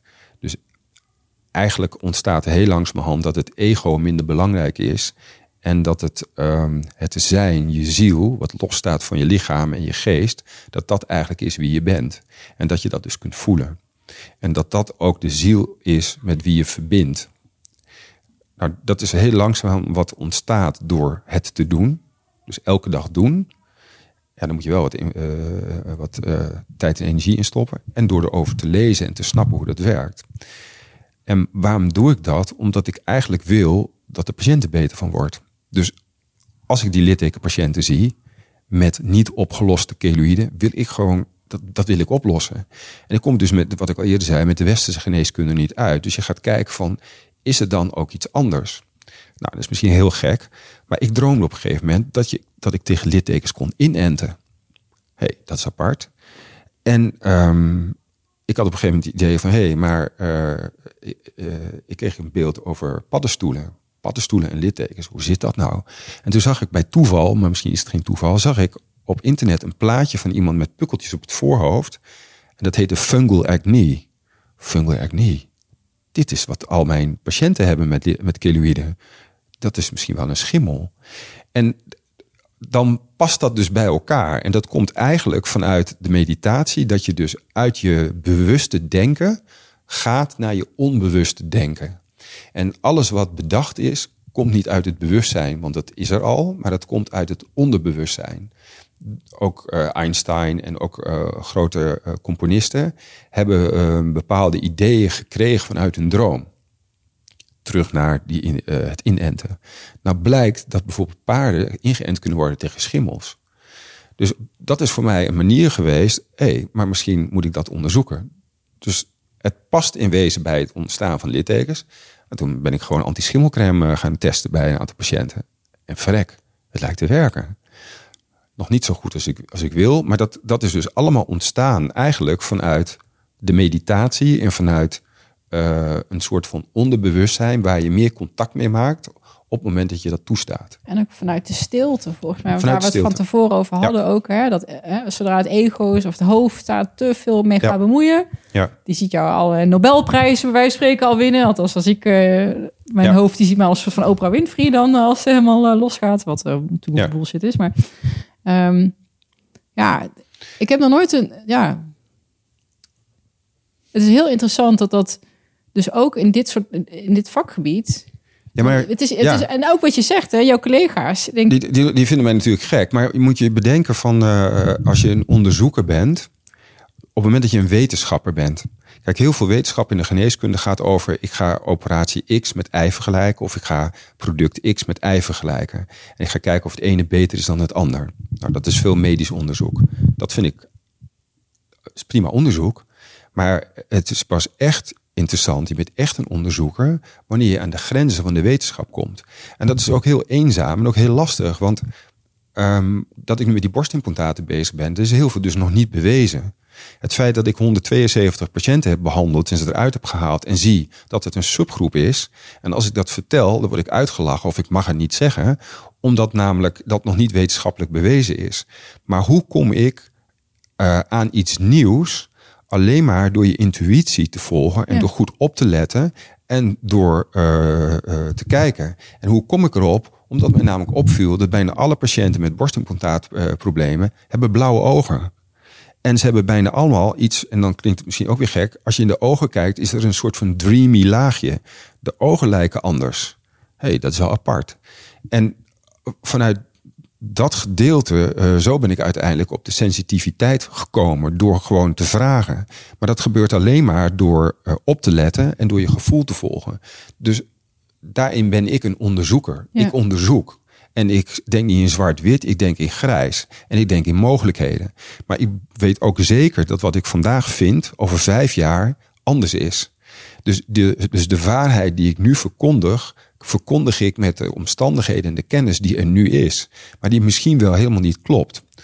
Uh, omdat um, ja, het, toch weer anders in elkaar zit. Dus als we teruggaan naar onze littekens, stel dat het nou een schimmel is, dan past dat eigenlijk bij heel veel therapieën. Corticosteroïden werkt tegen schimmel, aloe vera werkt tegen schimmel, laser werkt tegen schimmel. Um, heel veel um, waarvan we denken dat het mechanisme op iets anders is, zou ook een ander mechanisme kunnen hebben zodat het werkt. Misschien is het niet zo, maar uh, dat is wel de manier waarop ik bezig ben met onderzoek. Maar als je dat doet, dan loop je dus altijd aan tegen mensen die heel goed bedoeld uitgaan van het onderzoek wat al geweest is en op basis van die kennis hun huidige kennis toepassen. Maar, maar ik ben anders. Uh, ik ga uit van wat is en probeer te kijken van hoe kan ik dat verbeteren? Waar komt dat vandaan? Ja, en daar heb ik dus uh, mijn intuïtie voor ontwikkeld. Dat had ik blijkbaar al, maar dat is, daar is eigenlijk een stukje spiritualiteit, maar dat klinkt heel zweverig. In wezen is het contact maken met de natuur en contact maken met een ander mens. Uh, uh, als jij in het bos loopt en je loopt en het is stil en de zon komt tussen de bladeren door en je staat even stil in de duinen, dan, dan snap je wat ik bedoel. Dat is die ik levensenergie. Het heel insane dat je dat zegt. Want dat gevoel, daar hebben de Japanners een woord voor. Oké. Okay. En dat heet yugen. Aha. Dat wordt omschreven als inderdaad dat de zon wat lager staat en Ja. zo mooi door het blaadje. En dan overvalt je even een gevoel van Ja. de diepheid en de schoonheid van alles, Ja. basically. Maar als je over nadenkt, is het ook weer weg. Hè? Dat is een, gevoel, dat noemen ze Jugend. En dat concept waar ik het er straks met je over had, dat landgoed waar we mee bezig zijn, dat gaat Jugendforest heten. Heel mooi. Eh, en dat is me ook, ja, dat, en dat klinkt net zo idioot. Dat is gewoon ingegeven door de bomen. Door gewoon heel veel mindful, meditatief rond te lopen in het bos. Net zoals dat jij af en toe, weet je wel, je krijgt zo'n sprankje inspiratie of Ja. intuïtie. En dat je denkt, oh, dat, eh, daar, ga je, daar ga je dan achteraan, weet je, onderzoekende geest. Ja. En dat laat linkjes leggen. En je denkt, ja, maar hoe kom ik hier nou op? Weet je wel, hoe, hoe, hoe, hoe, hoe verzint zo'n concept, zo'n bedrijf, zo'n holistisch concept zich dan? Ja, ja dat, Dat, dat ontwikkelt zich en dat komt ook omdat het En dat kan dus alleen maar door even dit uit te schakelen ook. Ja, en, en ik denk dat het heel belangrijk is, eh, ehm, dat geldt natuurlijk voor iedereen, als je even omkijkt van hoe kom je waar je, hoe ben je gekomen daar waar je nu bent.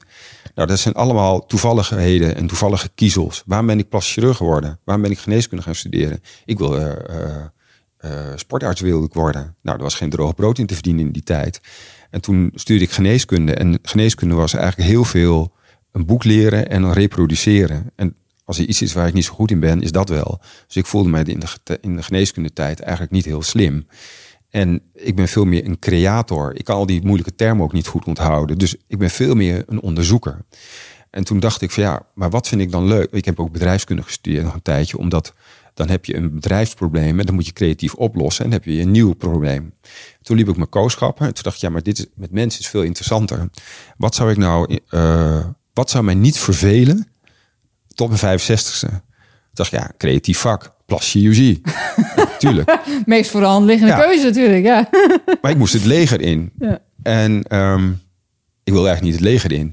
Toen ben ik in Afrika geweest en ik had bij de eh, chirurgie, het was toen in Groningen, was er een promotieplek en die zou ik in mogen vullen. Maar dan moest ik wel even het plan schrijven. Ik zat in Afrika en ik heb alleen maar luchtpostbrieven geschreven. Ik heb de mooiste epistels, ik wil vroeger Nederland, ik wil een, een roman schrijven. Dus ik heb de mooiste epistels geschreven. Ik heb natuurlijk ook een waanzinnig mooie epistel geschreven naar de. En toen kwam ik terug, zei ze nou, eh, we zoeken meer een stugge cijferaar. Jij bent meer een journalistiek onderzoeker. Had ik dus eigenlijk in mijn taal had ik gewoon mijn onderzoek om zeep geholpen. Eh, toen moest ik het leger in en wie schetst mijn verbazing? Er kwam dus een plekje plastic chirurgie vrij. Toen dacht ik, ja, die is voor mij. En zo zijn eigenlijk al die, eh, het is allemaal zo in kiezeltjes, die moet je oprapen, is het, is het eh, gekomen. En dat vind, ik, dat vind ik het gave van waar ik nu ben. Maar ik sta ervoor open. En ik kan me ook heel goed voorstellen dat mensen dat niet eh, doen en niet durven. Omdat ehm, een goed betalende, goede baan in de Jan Vergooi kliniek die ik had, met daarnaast de VU, heb ik alles weggedaan om onzeker te beginnen met een concept, een holistische concept, om plastische chirurgie te doen. Nou, dat was best eng. En toen werd mij aangeboden eh, om dat eh, toch eh, daar Jan Vergooi te doen. Was ik nog bij de OVG-directie. En toen zei ze, nou, dat kun, je, dat kun je bij ons doen. En toen dacht ik nog, ja, maar what's in it for me? En ik liep daar naar buiten en dacht, ja, ik moet gewoon starten. Dit is, ik moet zelf doen. En toen had ik daarvoor al geprobeerd in Spa Zuiver. Dat zit ook in Amsterdam. Dat is een, eh, een sauna. Want, dat, want ik dacht aan, eh, en dat, dat idee is nog steeds, het gaat eigenlijk om vitality. Dus jij wil je graag vitaal voelen en energiek. Nou, en ik kan meehelpen door, als je je ouder aan de buitenkant uitziet, dan binnenin kan ik proberen die veroudering verbeteren, zodat je weer vitaler voelt. Nou, dat, dat is een beetje het idee. Maar goed, jij kunt je ook veel mooier voelen als je verliefd bent, bijvoorbeeld. En dan word je ook verjongd. Is overigens interessant, van wat is dat dan? Eh, kunnen we dat niet uit de verliefdheid halen en in iemand stoppen, zodat je uiteindelijk jonger wordt of je beter voelt? Nou, dus, dus maar ik heb net een hele podcast over longevity zitten luisteren bij Ja. Joe Rogan. Over, ik, weet, ik ben even zijn naam kwijt. Maar eh, er zijn... eh, de biologische klok kan teruggedraaid worden. Dat zijn ze in muizen in ogen aan het doen. Dat blinde muizen weer kunnen gaan zien. oké.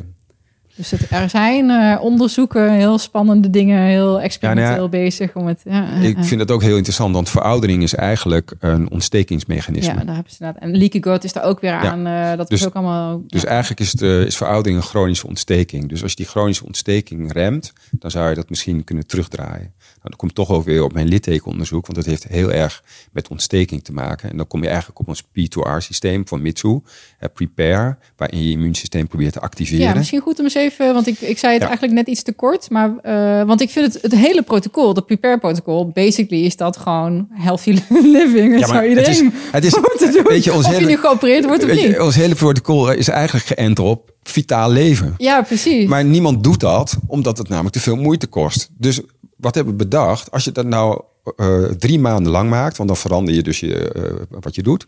En je doet het rondom een operatie die je zelf kiest. Dan is het eigenlijk een stok achter de deur om vitaler te leven. Dat is eigenlijk onze gedachte. Maar aan de basis ligt lelijke littekenvorming. Dus littekenhypertrofie, mensen die het krijgen, hebben een verlaagde immuunreactie. Dus waarom hebben die mensen pukkeltjes? Waarom krijg je pukkeltjes als je, je ovulatie hebt, menstruatie? Dat komt omdat je immuunsysteem niet in staat is tot het voorkomen van een pukkeltje. Dus die, je ziet roodheid, je ziet zwelling, dus je denkt er is ontsteking. Maar eigenlijk gaat het om daarvoor. Hoe komt het dat die ontsteking is ontstaan? Komt omdat die bacterie of die virus of die schimmel de, de kans heeft gekregen om verder door te dringen dan die eigenlijk had mogen doen.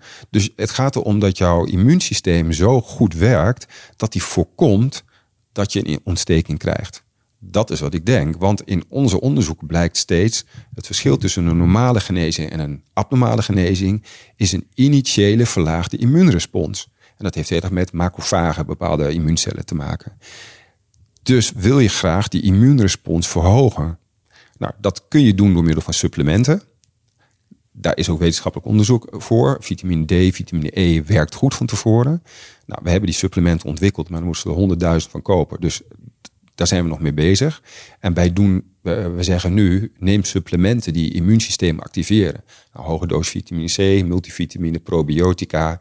En is best op af te dingen. Hè, want, um, heb ik, ik, heb ze allemaal genomen. Antioxidanten, bier, precies, nou ja, we, hebben, we hebben ook mensen gehad die... Uh, die kregen inderdaad ontstekingen, omdat het te actief was voor hun. Oh ja. Want wat voor jou goed is, is voor een ander niet goed. En wat wij hebben is gewoon een heel algemeen protocol. Wat misschien voor sommige mensen niet werkt. Het gek dat meditatie erin stond. Uh, drie keer per week uh, sauna. Elke dag een half uurtje naar buiten. Naar dus, wandelen. Maar dat is de laatste, de laatste fase. Hè? Nu lopen we even vooruit. Dus het begint om de fase vooraf. Nou, koffie bijvoorbeeld. Qua cafeïne en theïne is van bewezen dat het re-epithelialisatie, dus het de opperhuidherstel, tegengaat. Dus dat is onze reden om het niet van tevoren te doen. Daarnaast, koffie geeft een piek. Dat je je fitter voelt en daarna krijg je een dal. Dus piek, dal, piek, dal. Wanneer je je fit voelt, wil je eigenlijk stabiel zijn. Hetzelfde geldt voor roken. Piek, dal, depressiviteit. Piek, dus dan, dat is verslavend. Suiker geeft een piek en een dal. Dus je wil graag dat je stabieler bent daarin. Daardoor zeggen wij twee weken van tevoren dat niet te gebruiken. De supplement om je immuunsysteem te activeren. Um, straks hebben we uh, ook yoga-oefeningen erbij, die ervoor zorgen dat je uh, doorbloeding en je energie geactiveerd wordt. Met name als het om borsten gaat in, in het borstgebied. En we doen die geleide meditaties, omdat uh, naast je immuunsysteem activeren, um, willen we ook dat je relaxed bent. Want dat is een ander punt waar veel onderzoek naar gedaan is. dat je relaxed bent voor de operatie. Daarom adviseren wij ook de dag voor de operatie. Laat je masseren, ga naar de sauna en werk niet. Ja. Zodat je je voorbereidt. Nou, dan heb je de operatiedag zelf. Daar werken we dus met de muziek en met de aromatherapie. En um, eigenlijk is dat de belangrijkste dag in, de hele, uh, in, het, in het hele patiëntentraject. Want dan ben je het meest angstig. Dus de personeelsleden die op die dag werken, moeten zich heel bewust zijn van het feit dat jij je angstig kunt voelen. Ik mag niet te snel werken. Het moet rustig. Het moet een rustige sfeer hangen. Uh, het moet veilig voelen. Dat is voor de patiënt het best en geeft het beste operatieresultaten. Blijkt uit onderzoek. Dus dat is wat we op de raadsdag proberen te doen. Maar ja, we hebben niet onze eigen OK. Dus we moeten, het is heel erg ook een kwestie van opvoeden. Nou, dat is wat we op de raadsdag doen. Dan hebben wij een beschermfase van vier weken. Daarin uh, gebruik je bijvoorbeeld uh, drukkleding. Daarin mag je niet sporten. Je mag wel bewegen. Je kunt lichte yoga oefeningen doen. En daarin adviseren we nog steeds die immuunstimulerende supplementen. Maar we hebben ook immuunstimulerende crèmes ontwikkeld. Die zijn we aan het testen. Maar dat wordt dan weer een medisch hulpmiddel, dus het kost nog wel tijd voordat ze op de markt mogen. Maar daar heb je ook een prepare potje, dus het, het activeren van je huid en de supplementen die we hebben bedacht. En die crèmes die horen bij elkaar. Dus wat niet in de crème kan, zit in het supplement. Bijvoorbeeld kurkuma, wat in de derde fase komt. Um, kurkuma, kom ik zo op terug. Dus die tweede fase is ook om het immuunsysteem te activeren. De derde fase, dan moet je weer herstellen, weer regenereren. Dan mag je sporten, dan mag je alles doen. Bijvoorbeeld het pak afbouwen. Dan wil je graag je immuunsysteem remmen. En dat heeft dus met mooie en lelijke littekens te maken. Nou, wat remt het uh, immuunsysteem? Dat is een bepaalde cel, die heet een natural killer cel. Dus kurkuma, maar ook omega-3 activeren de natural killer cel. Die in het begin van de wondgenezing de wondgenezing aanzet, maar later in de wondgenezing de, wond, de inflammatie remt. Dus uh, de supplementen als resveratrol, de NAD-boosters, uh, allerlei supplementen die je normaal als je leeft gebruikt om de chronische inflammatie te remmen. Dat heb ik nu voor mijn leaky gut bijvoorbeeld, Precies, ja. ja. Die adviseren wij in de derde fase om de uh, immuunreactie weer te remmen. Hm. Omdat het erop lijkt dat die immuunreactie continu aan blijft staan bij mensen met een lelijk litteken. Dus vandaar dat we dat doen. Um, dat immuunsysteem in relatie is heel belangrijk. Hè, want uh, volgens mij zei ik dat van tevoren. Ik weet niet of ik het al tegen, in deze podcast heb gezegd. Maar als je dus na de ovulatie een borstverkleiding krijgt, dan heb je significant meer hypertrofie dan ervoor. Nou, dat heeft heel erg met je hormoonbalansen te maken. En die hebben weer heel erg reactie uh, op je immuunsysteem. Nog afgezien van wat dat met neurotransmitters van je hersenen op je immuunsysteem kan doen. Dus wij proberen ons systeem, eh, het immuunsysteem te beïnvloeden om op die manier een betere genezing te krijgen. Daar zijn die supplementen dus op geënt. Maar daar is ook die crème op geënt. Dat is met elkaar. En daar is de meditatie op geënt. Maar de laatste fase willen we ook graag uh, dat je leefstijl geactiveerd wordt, die gezonder is. En dat heeft dan uh, te maken met je voeding. Uh, op het moment dat we te veel suiker eten, te veel zuivel, te veel vlees, um, als je dat soort zaken doet, dan activeer je en, belast je eigenlijk je darmen. Gluten bijvoorbeeld ook. En niet iedereen kan daar tegen. Uh, heel veel mensen kunnen er wel tegen. De een kan heel goed tegen vlees, de ander niet. Dus ook daarin zou je moeten individualiseren. Maar het lijkt erop met de borstimplantaatgroep die klachten heeft, dat hij veel makkelijker een irritable krijgt, ook veel meer uh, voedselintoleranties. Dus uh, ik heb ook verschillende patiënten, als ze goed gaan eten, dan raken ze dus een deel van hun klachten kwijt. Mm. Dus het is mogelijk dat het irriteren van je darmen je immuunsysteem activeert. En er zijn bewijzen van dat het microbioom van je darm uh, heeft effect op het microbioom van je huid. Nou, dat microbioom van je huid, daar komt mijn litteekonderzoek weer terug je, het ontstaat een keloïd heel vaak vanuit de haarzakjes. Nou, dat zijn precies de plekken waar je microbioom heel belangrijk is. Als die in disbalans is, zou het kunnen zijn dat van daaruit een ontsteking ontstaat. We weten ook dat op plekken waar je een keloïd krijgt, dus een lelijk litteken, uh, op schouders, borst, kaakranden, oorlellen, daar zitten significant minder uh, witte bloedcellen, minder macrofagen, immuuncellen, ten opzichte van bijvoorbeeld je ooglid waar je geen lelijke littekens krijgt. Dus de afweer lokaal op je lichaam is anders. Dus, en ook je littekenvorming is lokaal anders. Dus wat wij proberen te doen, is dat te beïnvloeden met ons P2R-systeem. Nou, en als je dan uh, in de derde fase probeert gezond te leven, nou, er is heel veel bewijs van dat sauna goed werkt op je immuunsysteem. Komt al heel veel uit Duitsland ook. Aromatherapie werkt goed. Massage werkt goed. Um, licht sporten, maar niet te zwaar sporten werkt goed. Nou, dat zijn allemaal leefstijladviezen waarvan je zegt, ja, maar dat is toch hartstikke logisch. Hartstikke logisch, maar er is ook gewoon wetenschappelijk bewijs van. En wat wij met, uh, bij Mitsu proberen te doen, is al die holistische toepassingen, waarvan anderen kunnen zeggen, ja, spiri spiri, of het is, uh, uh, het is kwarts, of het is kwakzalverij. No way, er zit allemaal wetenschappelijke onderbouwing onder. En dat is waarom wij dat zo toepassen. En waarom ik het zo gek vind dat nog mensen dat niet doen. En ik zeker weet dat het over vijf jaar veel meer wordt toegepast. Nou, daar, daar komen dus onze uh, ideeën vandaan. Dus eigenlijk op basis van het littekenonderzoek. En op basis van het feit dat je relaxed moet zijn. En dat je je vitaal wil voelen. Ja. Hey, je, je noemde yoga. Nou, ik uh, elke dag structureel alleen de twee weken na de operatie niet. Was Ja. ook even heel lastig. Ja. Eh, al is het maar vijf minuten, gewoon voor mezelf, momentum. Ja. Ehm, er was één yoga pose die ik gewoon echt niet kon doen met mijn eh, prothese. Ja. Eh, waarschijnlijk eh, heb je dat al vaker gehoord. De broken wing heet het, geloof ik. Ik doe vooral yin yoga trouwens. Dus met Mhm. name yin yoga. Gewoon Ja. rustig, relaxed, een uur. Heel meditatief. Ontzettend diep Aha. ook wat daar dan gebeurt. Maar Ja. dat kan dus nu weer. Maar welke poses zou je... al- Je zei van, hè, we gaan ook leefstijlinterventie, een aantal Ja. yoga poses. Welke horen daarbij? Nou, dat zijn met name borstopeners. Is dat dan die broken wing? Dus dat als op je buik gaat liggen en dan je hand zo... En dat je hem dan draait, je ligt dus op je Ja, borst. het gaat En eigenlijk- Je gaat dan zo. Het Ja, gaat eigenlijk dat je je opent. gewoon überhaupt. Ja, het überhaupt openen van dit. Want je, eh, als je dat niet opent, dan, dan sluit je je hart, maar je sluit ook de energie. Ja, en dan... Dat eh, je natuurlijk niet aan net na de operatie dat je op je borst gaat liggen. Nou, Nee. heel eerlijk, ik was daar heel. Ik denk ik, oké, wanneer is dat litteken nu? Wanneer is dat weefsel stevig genoeg dat ik Ja. weer yoga kan doen? Ik vond Nou ja. dat heel spannend. Als je- anders dan als je die bevilling hebt gedaan. Ja. je moet veel langer eh, voorzichtig zijn met je borsten dan dat je Ja. een explantatie hebt gedaan zonder die bevilling. Nou, ik had natuurlijk die de eh, lift, dus dat vond ik heel eng. Eh, nou, voorzichtig, voorzichtig, voorzichtig. Ik wil dat zeker niet te, te veel eh, irriteren of zo. En nu, nu, heb ik, nu, nu is dat geen issue meer. Want nu weet ik gewoon, nou, het voelt gewoon goed. Maar dat is wel Kijk, het kost in wezen, een littekenvorm kost een jaar.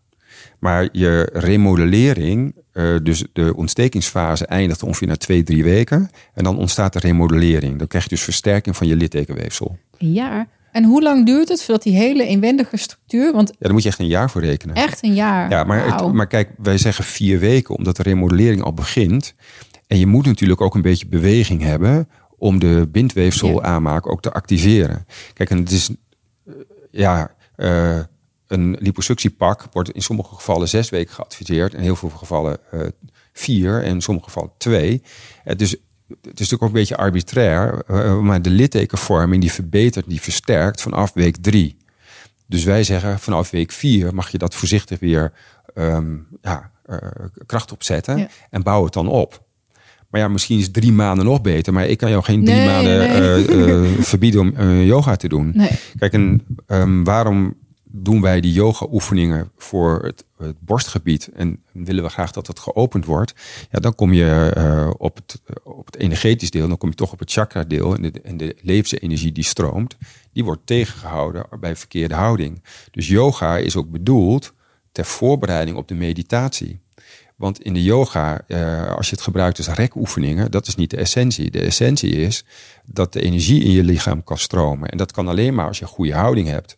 Dus als jij op een poefje zit en je zit niet goed, dan, en je zit niet recht genoeg, maar dat geldt, hetzelfde geldt voor als je loopt. Ik heb de neiging, omdat ik opereer, om voorover te gaan lopen. Dus moet ik oppassen, want je moet echt rechtop. Dan stroomt de energie meer. Nou, en daar zijn die yoga-oefeningen ook voor bedoeld, om de energie te laten stromen. Ja, prachtig. Ik, er is nog één eh, kleine segue die ik nog even kort eh, in wil. Of Misschien is het niet kort, dat weet ik niet. Maar tatoeages. Ja, Ehm, even de inleiding in het hele... wat doe je jezelf aan? Wat heb ik mezelf aangedaan? Ja. Ehm, een vriend van mij loopt bij een osteopaat voor eh, long covid. Soms zijn nou, restsymptomen Ja. die hij heeft te behandelen. En die kwam dus naar mij toe. Die vertelde van ehm, dat hij heel veel profvoetballers behandelde. Specifiek ehm, getatoeëerde profvoetballers. Dat, zijn, dat is een clubje mensen ook waar doorgaans veel tatoeages ook zitten. Ja. Er zat daar ook. ehm, en hij vertelde mij dat. Ik denk, ja, shit, nu ben ik zo goed bezig. Weet je wel? Ben ik en, hè, Maar wat, wat behandelde hij dan? Wat, wat zag hij dan? Ehm, goh, had ik dat natuurlijk niet ter sprake moeten brengen als ik daar te weinig van onthouden heb. maar wat ik ervan meegenomen heb, is dat eh, die osteopaat dus, eh, ehm, nou ik weet maar dat er dus dingen gecorrigeerd moeten worden, omdat dat litteken weefsel Ja, dus ver- verstoringen met zich meebrengt in het lichaam. Of disbalans met zich meebrengt Ja. in het lichaam.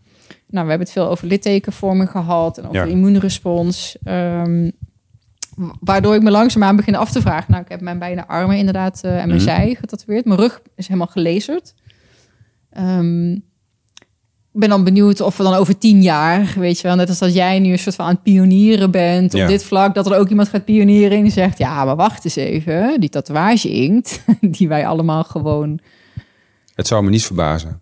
Want ja, ik ben er een beetje bang voor. Ik ben want, eh, bang ja, nou ja, kijk, die- zijn. die inkt, Ik vraag dat nooit aan een tattoo artist. Van is jouw, heeft jouw inkt een keurmerk bijvoorbeeld? Ik weet niet of je dat ooit hebt meegemaakt. Ik heb bij mijn tattoo, inderdaad, ik heb het niet gevraagd van, hé, hey, wat Nee. stop je in me? Maar ook heel eerlijk met de implantaten, toen ook, Maar wij- iets meer, maar... ik werk in de vuur, ik doe ook tatoeages, tepels. Ehm, dat is gewoon niet steriel, wat, dat potje. Maar het, het komt heel oppervlakkig, hè? Dus het, Ja. ja. het komt eigenlijk, het komt in je dermis terecht, dus in je eh, lederhuid. Het is een kleurstof en wat er gebeurt is dat die kleurstof, die hoort er niet. Dus die wordt opgenomen door een macrofaag, een immuuncel. En eh, verschillende macrofagen samen worden een reuscel. En dan blijft het daar liggen en wordt dat kleurdeeltje opgenomen. En gaat dan niet meer weg in principe. En misschien een deel, dat weet ik eigenlijk niet zeker. Het zou kunnen voorstellen dat een deel wordt afgevoerd. Ehm, Het is heel interessant hoor. maar dat weet ik niet, want dan zou je het moeten kunnen vinden uiteindelijk in lymfeklieren. Dan heb ik niet gehoord dat dat, dat zo is. Dus het, het zal daar blijven, het wordt er opgenomen en blijft er liggen. En het verbleekt natuurlijk in de zon en door licht.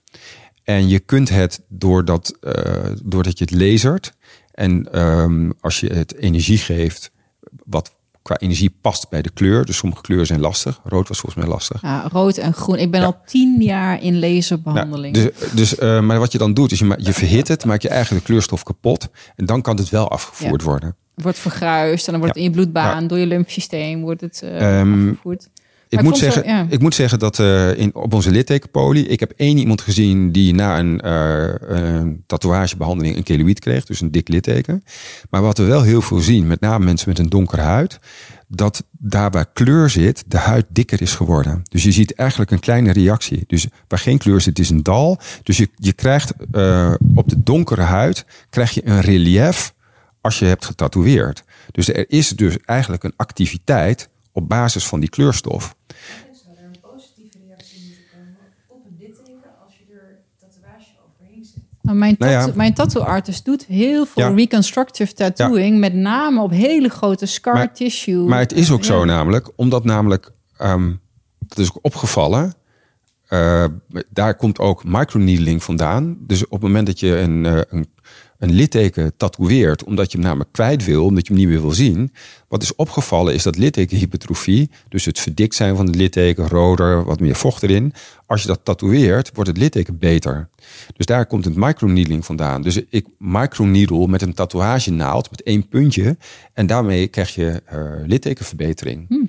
Eh, eh, en hoe komt dat? Doordat het puntje geen ontstekingsreactie geeft, want het is een te klein trauma, maar wel voor verandering zorgt in het laagje daaronder. En hoe dat dan werkt, of dan het collageen anders gerangeerd wordt, want je maakt nieuwe gaatjes, of dat je wat bloedvaten kapot maakt, of, dat, dat weet ik niet, waarom het- maar het werkt wel. Dat is dus de tatoeage die we gebruiken, microneedling eigenlijk. Ja, en ook het Dit is effect, zeg maar, hè, net als dat het borstimplantaatsyndroom, dat er een soort van vaag of ziekte, hoe noem je het, syndroom of ziekte?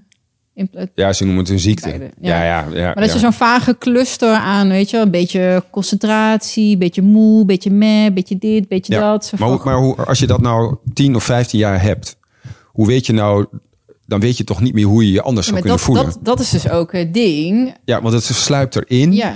En het komt door je werk en het komt door kinderen en het komt door je leeftijd. En ik En ben je in dat overgang. je en ik, eet en je weet dat Ja, je niet goed dus slaapt. Dus. dus, dus je weet, er zijn zoveel oorzaken van hoofdpijn. En eh, dus eh, hoe weet jij nou dat het dat iets met iets te maken heeft? Dat is bijna niet achter te komen. Het enige wat je dan kan doen is gewoon zeggen, oh nee, ik doe het holistisch. ik pak gewoon alles, van alles probeer ik dus, gewoon dus, dus dat we doen. doen. Maar, nou, maar goed, terug die implantaat. Je haalt de implantaat eruit. Er zijn vrouwen die worden er slechter van. Er zijn vrouwen die worden beter en daarna slechter. Het gaat heen en weer. Dus er zijn vrouwen die, hebben, die worden niet beter op het moment dat het implantaat eruit. Dan kun je zeggen, dan ligt het niet aan het implantaat. Ja, dat zou kunnen. Maar wat ook heel goed kan, is dat de verandering in je systeem al dusdanig is dat dat niet op korte termijn weer oplost. Of misschien wel nooit. Nou, dat zijn allemaal vragen die we nog helemaal niet opgelost hebben.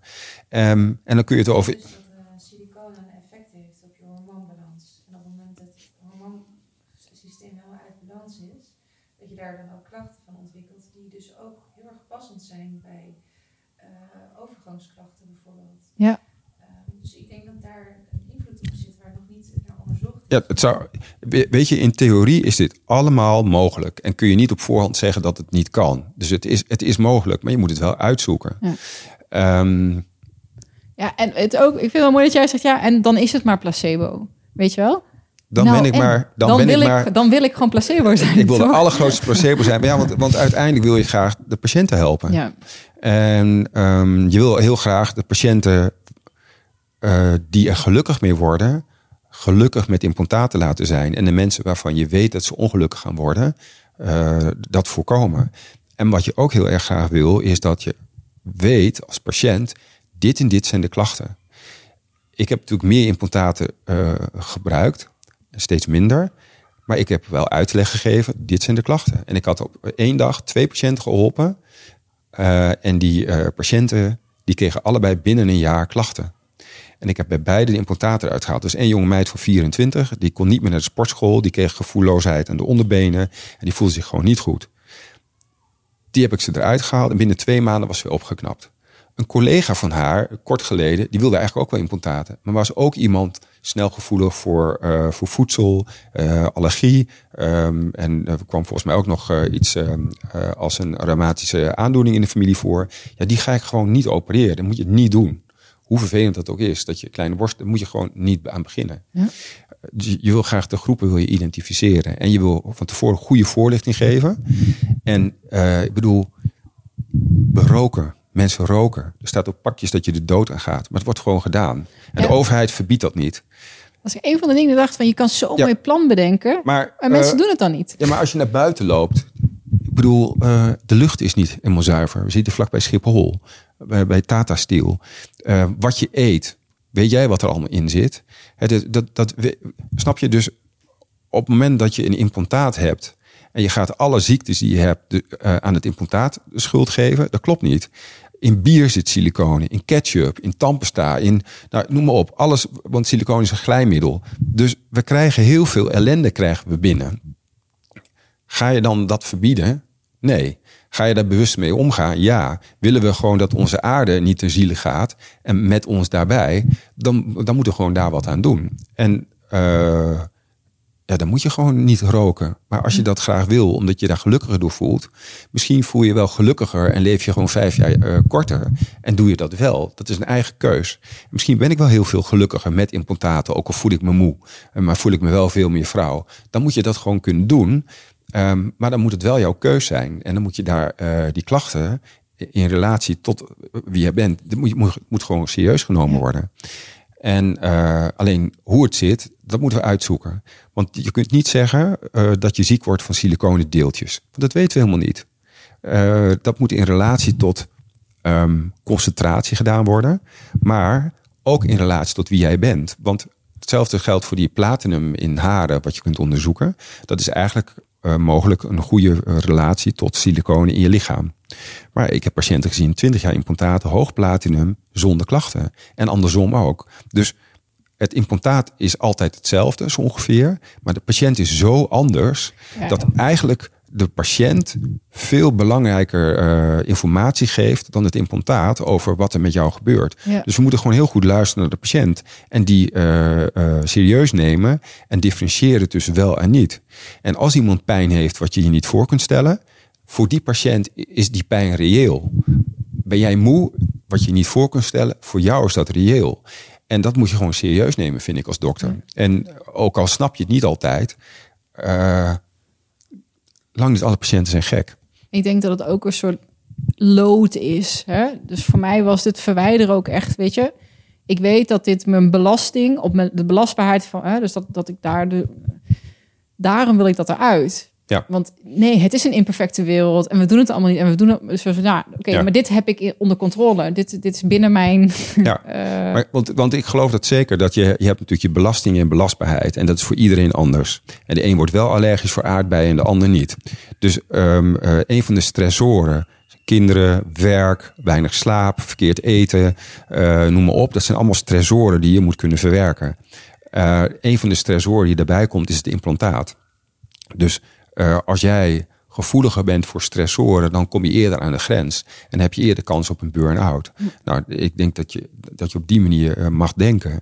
De, de stressoren kunnen, geluid, eh, kunnen gelijk zijn. Hè, want er zijn hier kinderen aan het schreeuwen. De een wordt er gek van en de ander niet.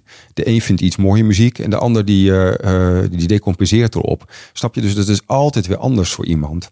En, en hoe jij individueel reageert, dat is natuurlijk ook heel moeilijk te onderzoeken. Want wij onderzoeken groepen en we hebben een gemiddelde van de groep.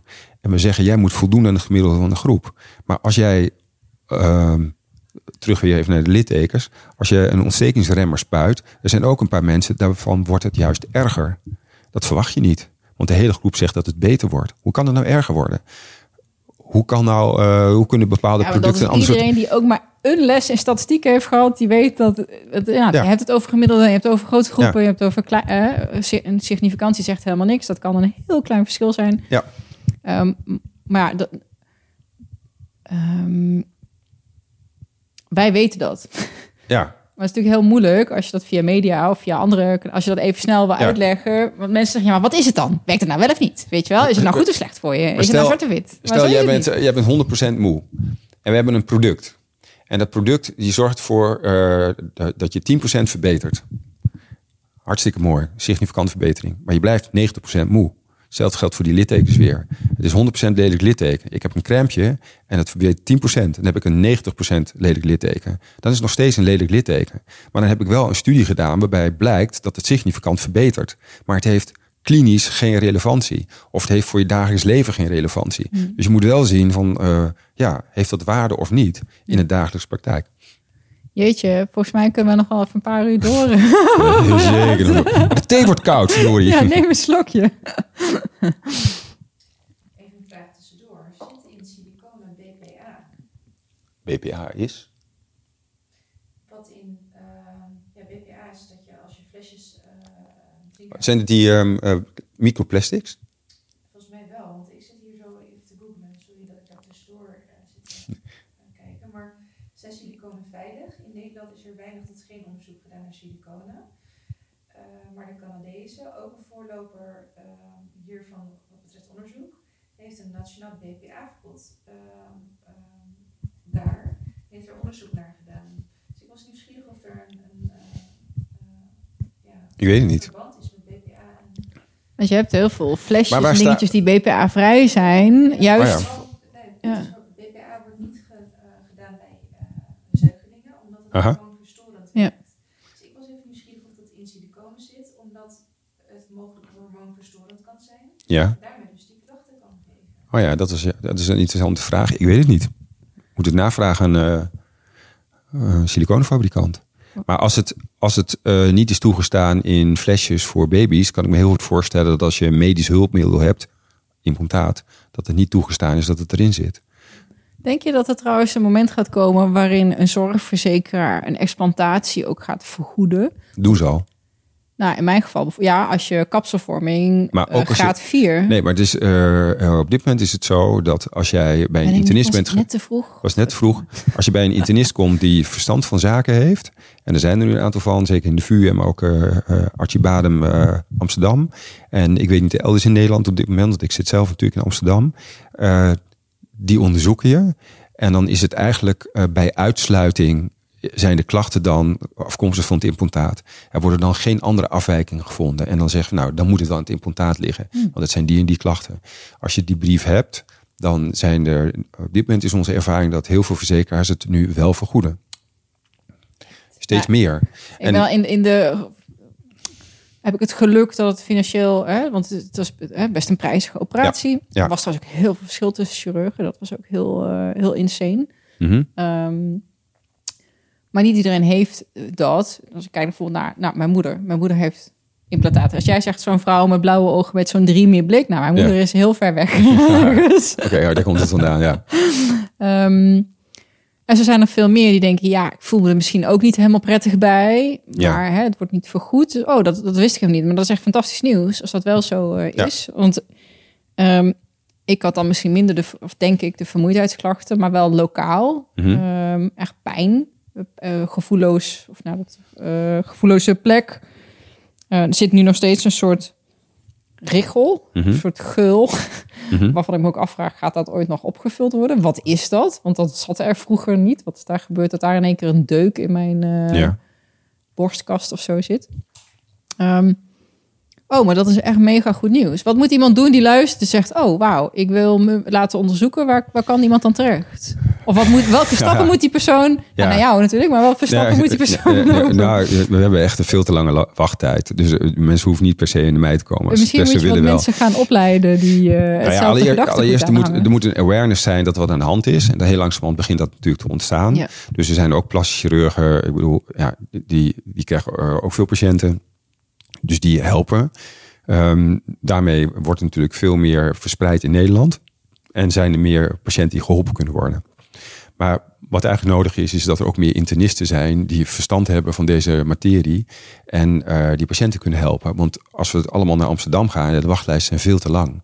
Ik dus moest de- vier maanden wachten, ja. Ja, ik, eh, dus, het, dus ja. het, is, het is bizar. En ehm, steeds als er media-aandacht is, dan krijg je natuurlijk weer een host. En dan neemt het weer wat af. En dan, eh, maar goed, langzamerhand is er zoveel awareness... dat ik ook denk dat als mensen echt klachten gaan krijgen... dat ze eerder weten, oh, ik moet ze eruit halen. En dan Ja, en ze dan dat. ook niet genoegen nemen als die huisarts zegt... ja, het komt wel, weet je wel, dat Ja. is niet zo, dat is niet bewezen. patiënten die, zeker als je, een bepaald, als je je niet goed voelt, dan ga je gewoon op internet zoeken en dan, dan vind je van alles.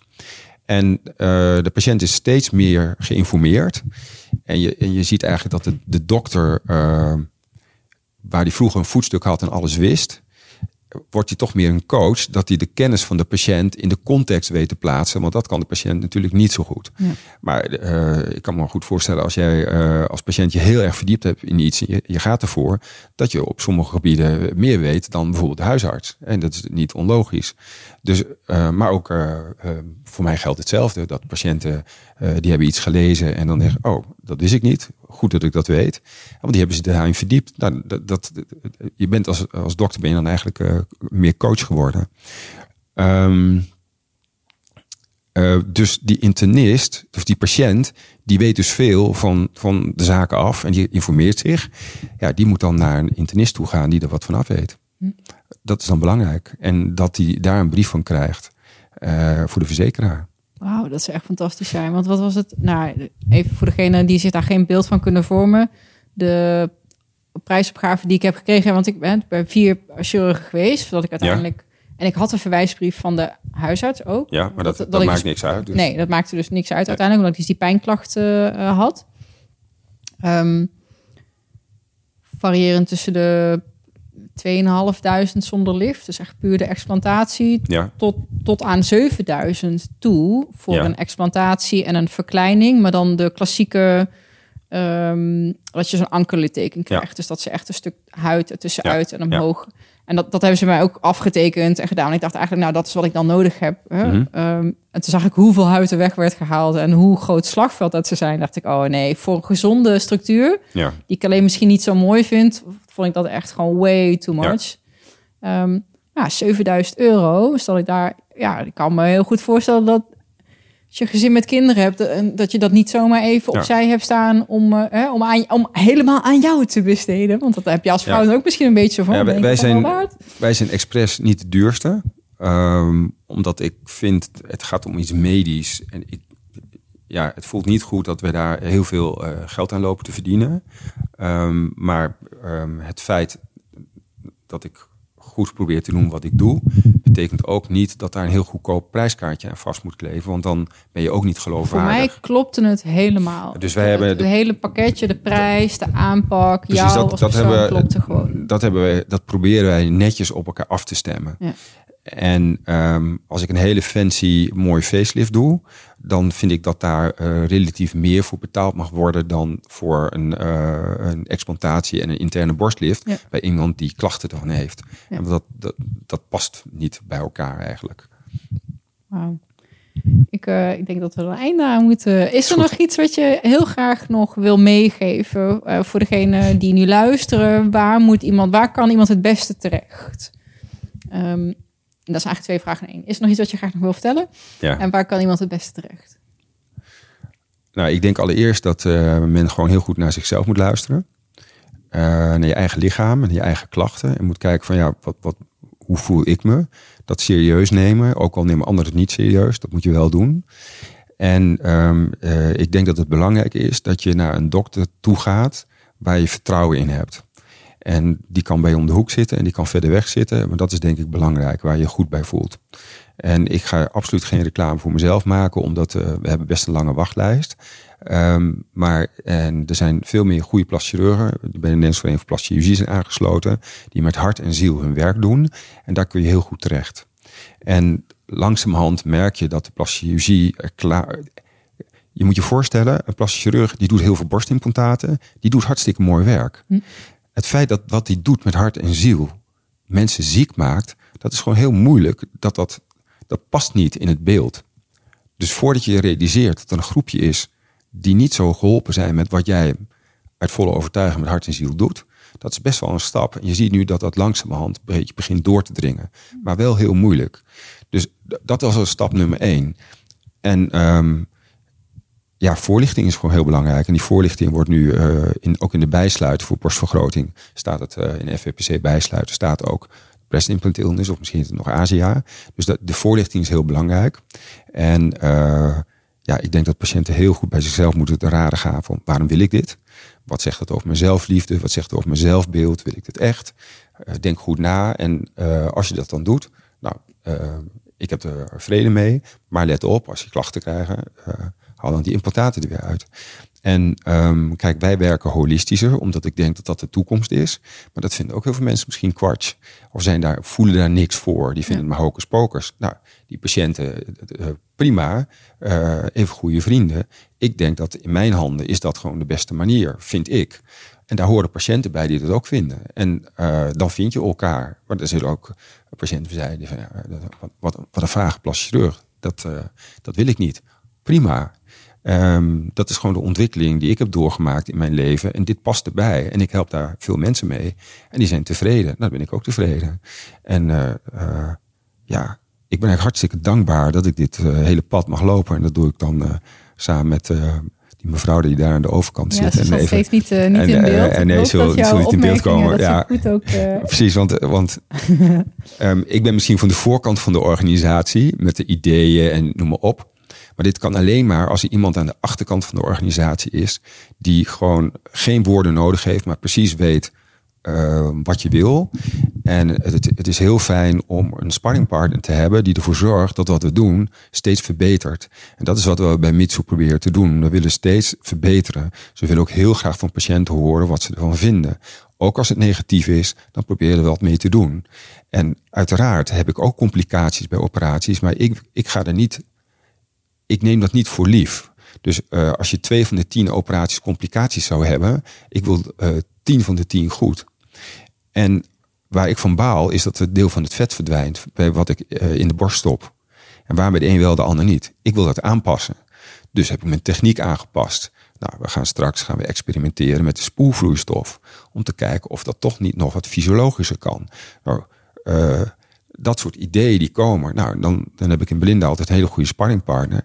Want die heeft dan bijvoorbeeld, hey, uh, uh, we hebben een nieuwe liplift, de lipcorner lift. Omdat sommige mensen die blijven gewoon heel zuur gezicht houden. Hele simpele operatie. Nou, uh, zij inspireert mij en andersom om steeds tot verbetering van ons protocol te komen. En ik, ik, weet zeker dat dat door blijft gaan. En dat wat wij nu doen, dat het over tien jaar weer heel anders is. Omdat dan blijkt dat het nog beter kan. Ja, voortschrijdend inzicht. Ja, ja dat, we blijven gewoon en dat, ontdekken. En het lijkt, lijkt me fantastisch. Ja. Uh, uh, toch mooi je, dat je gewoon je hele leven gewoon... Dat je gewoon... Ja, precies. dat, dat, je, je nooit klaar bent. Ja, nee, Heerlijk. Ja, ik vind... Um, ja. Blijf gewoon... Dat is wat wij ook elke dag ja. zijn. Ja. Hoe kan het nog beter? Ja. En blijf het jongetje en het meisje in jezelf, die blijft ontdekken en ja. verwondert over wat hij ziet en wat hij.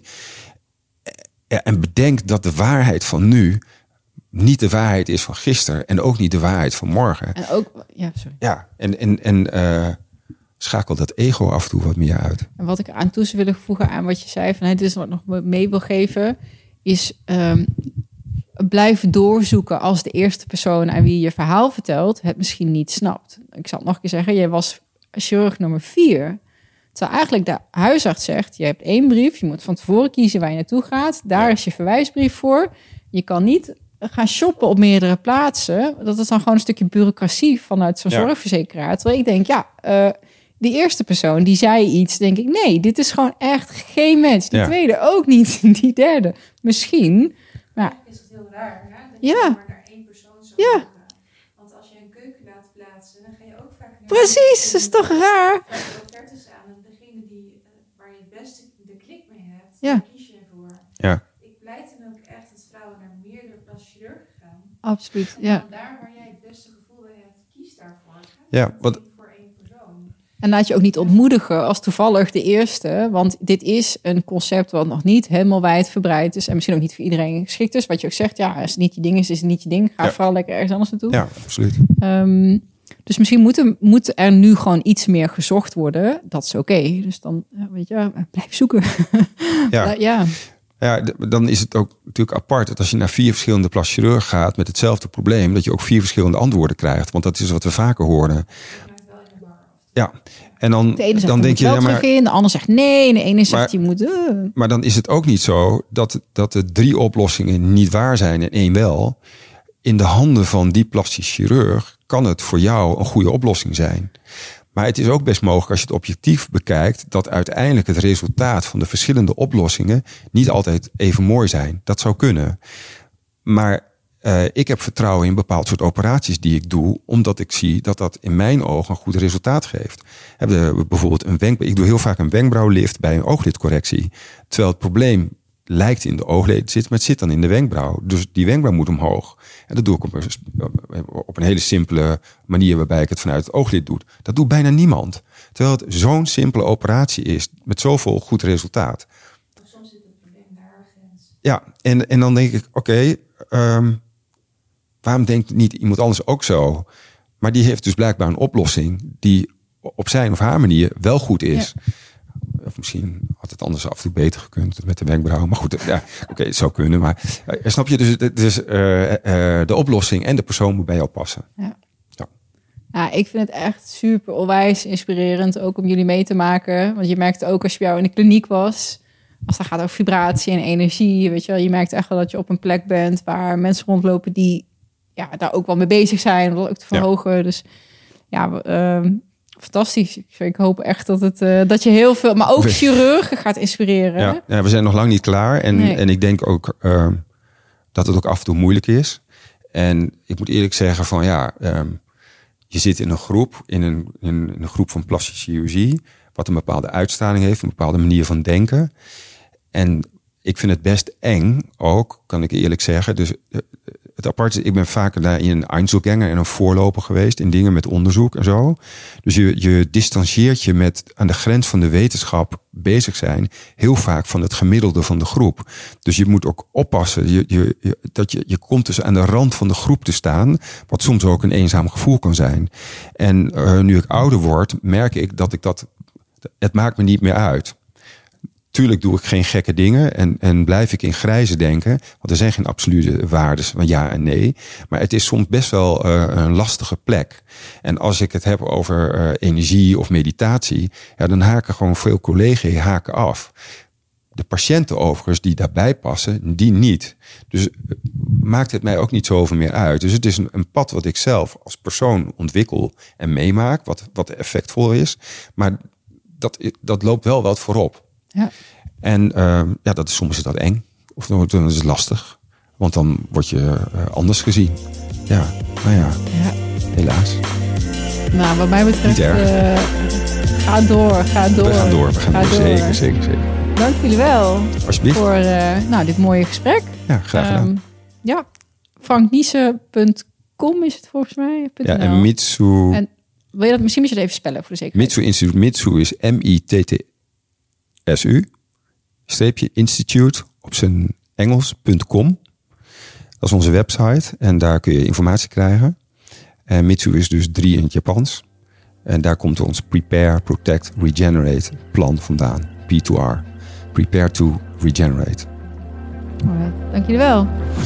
Wil je meer Transformatie-podcast? Check Jeannette online. Ga naar transformatiepodcast.nl slash meer.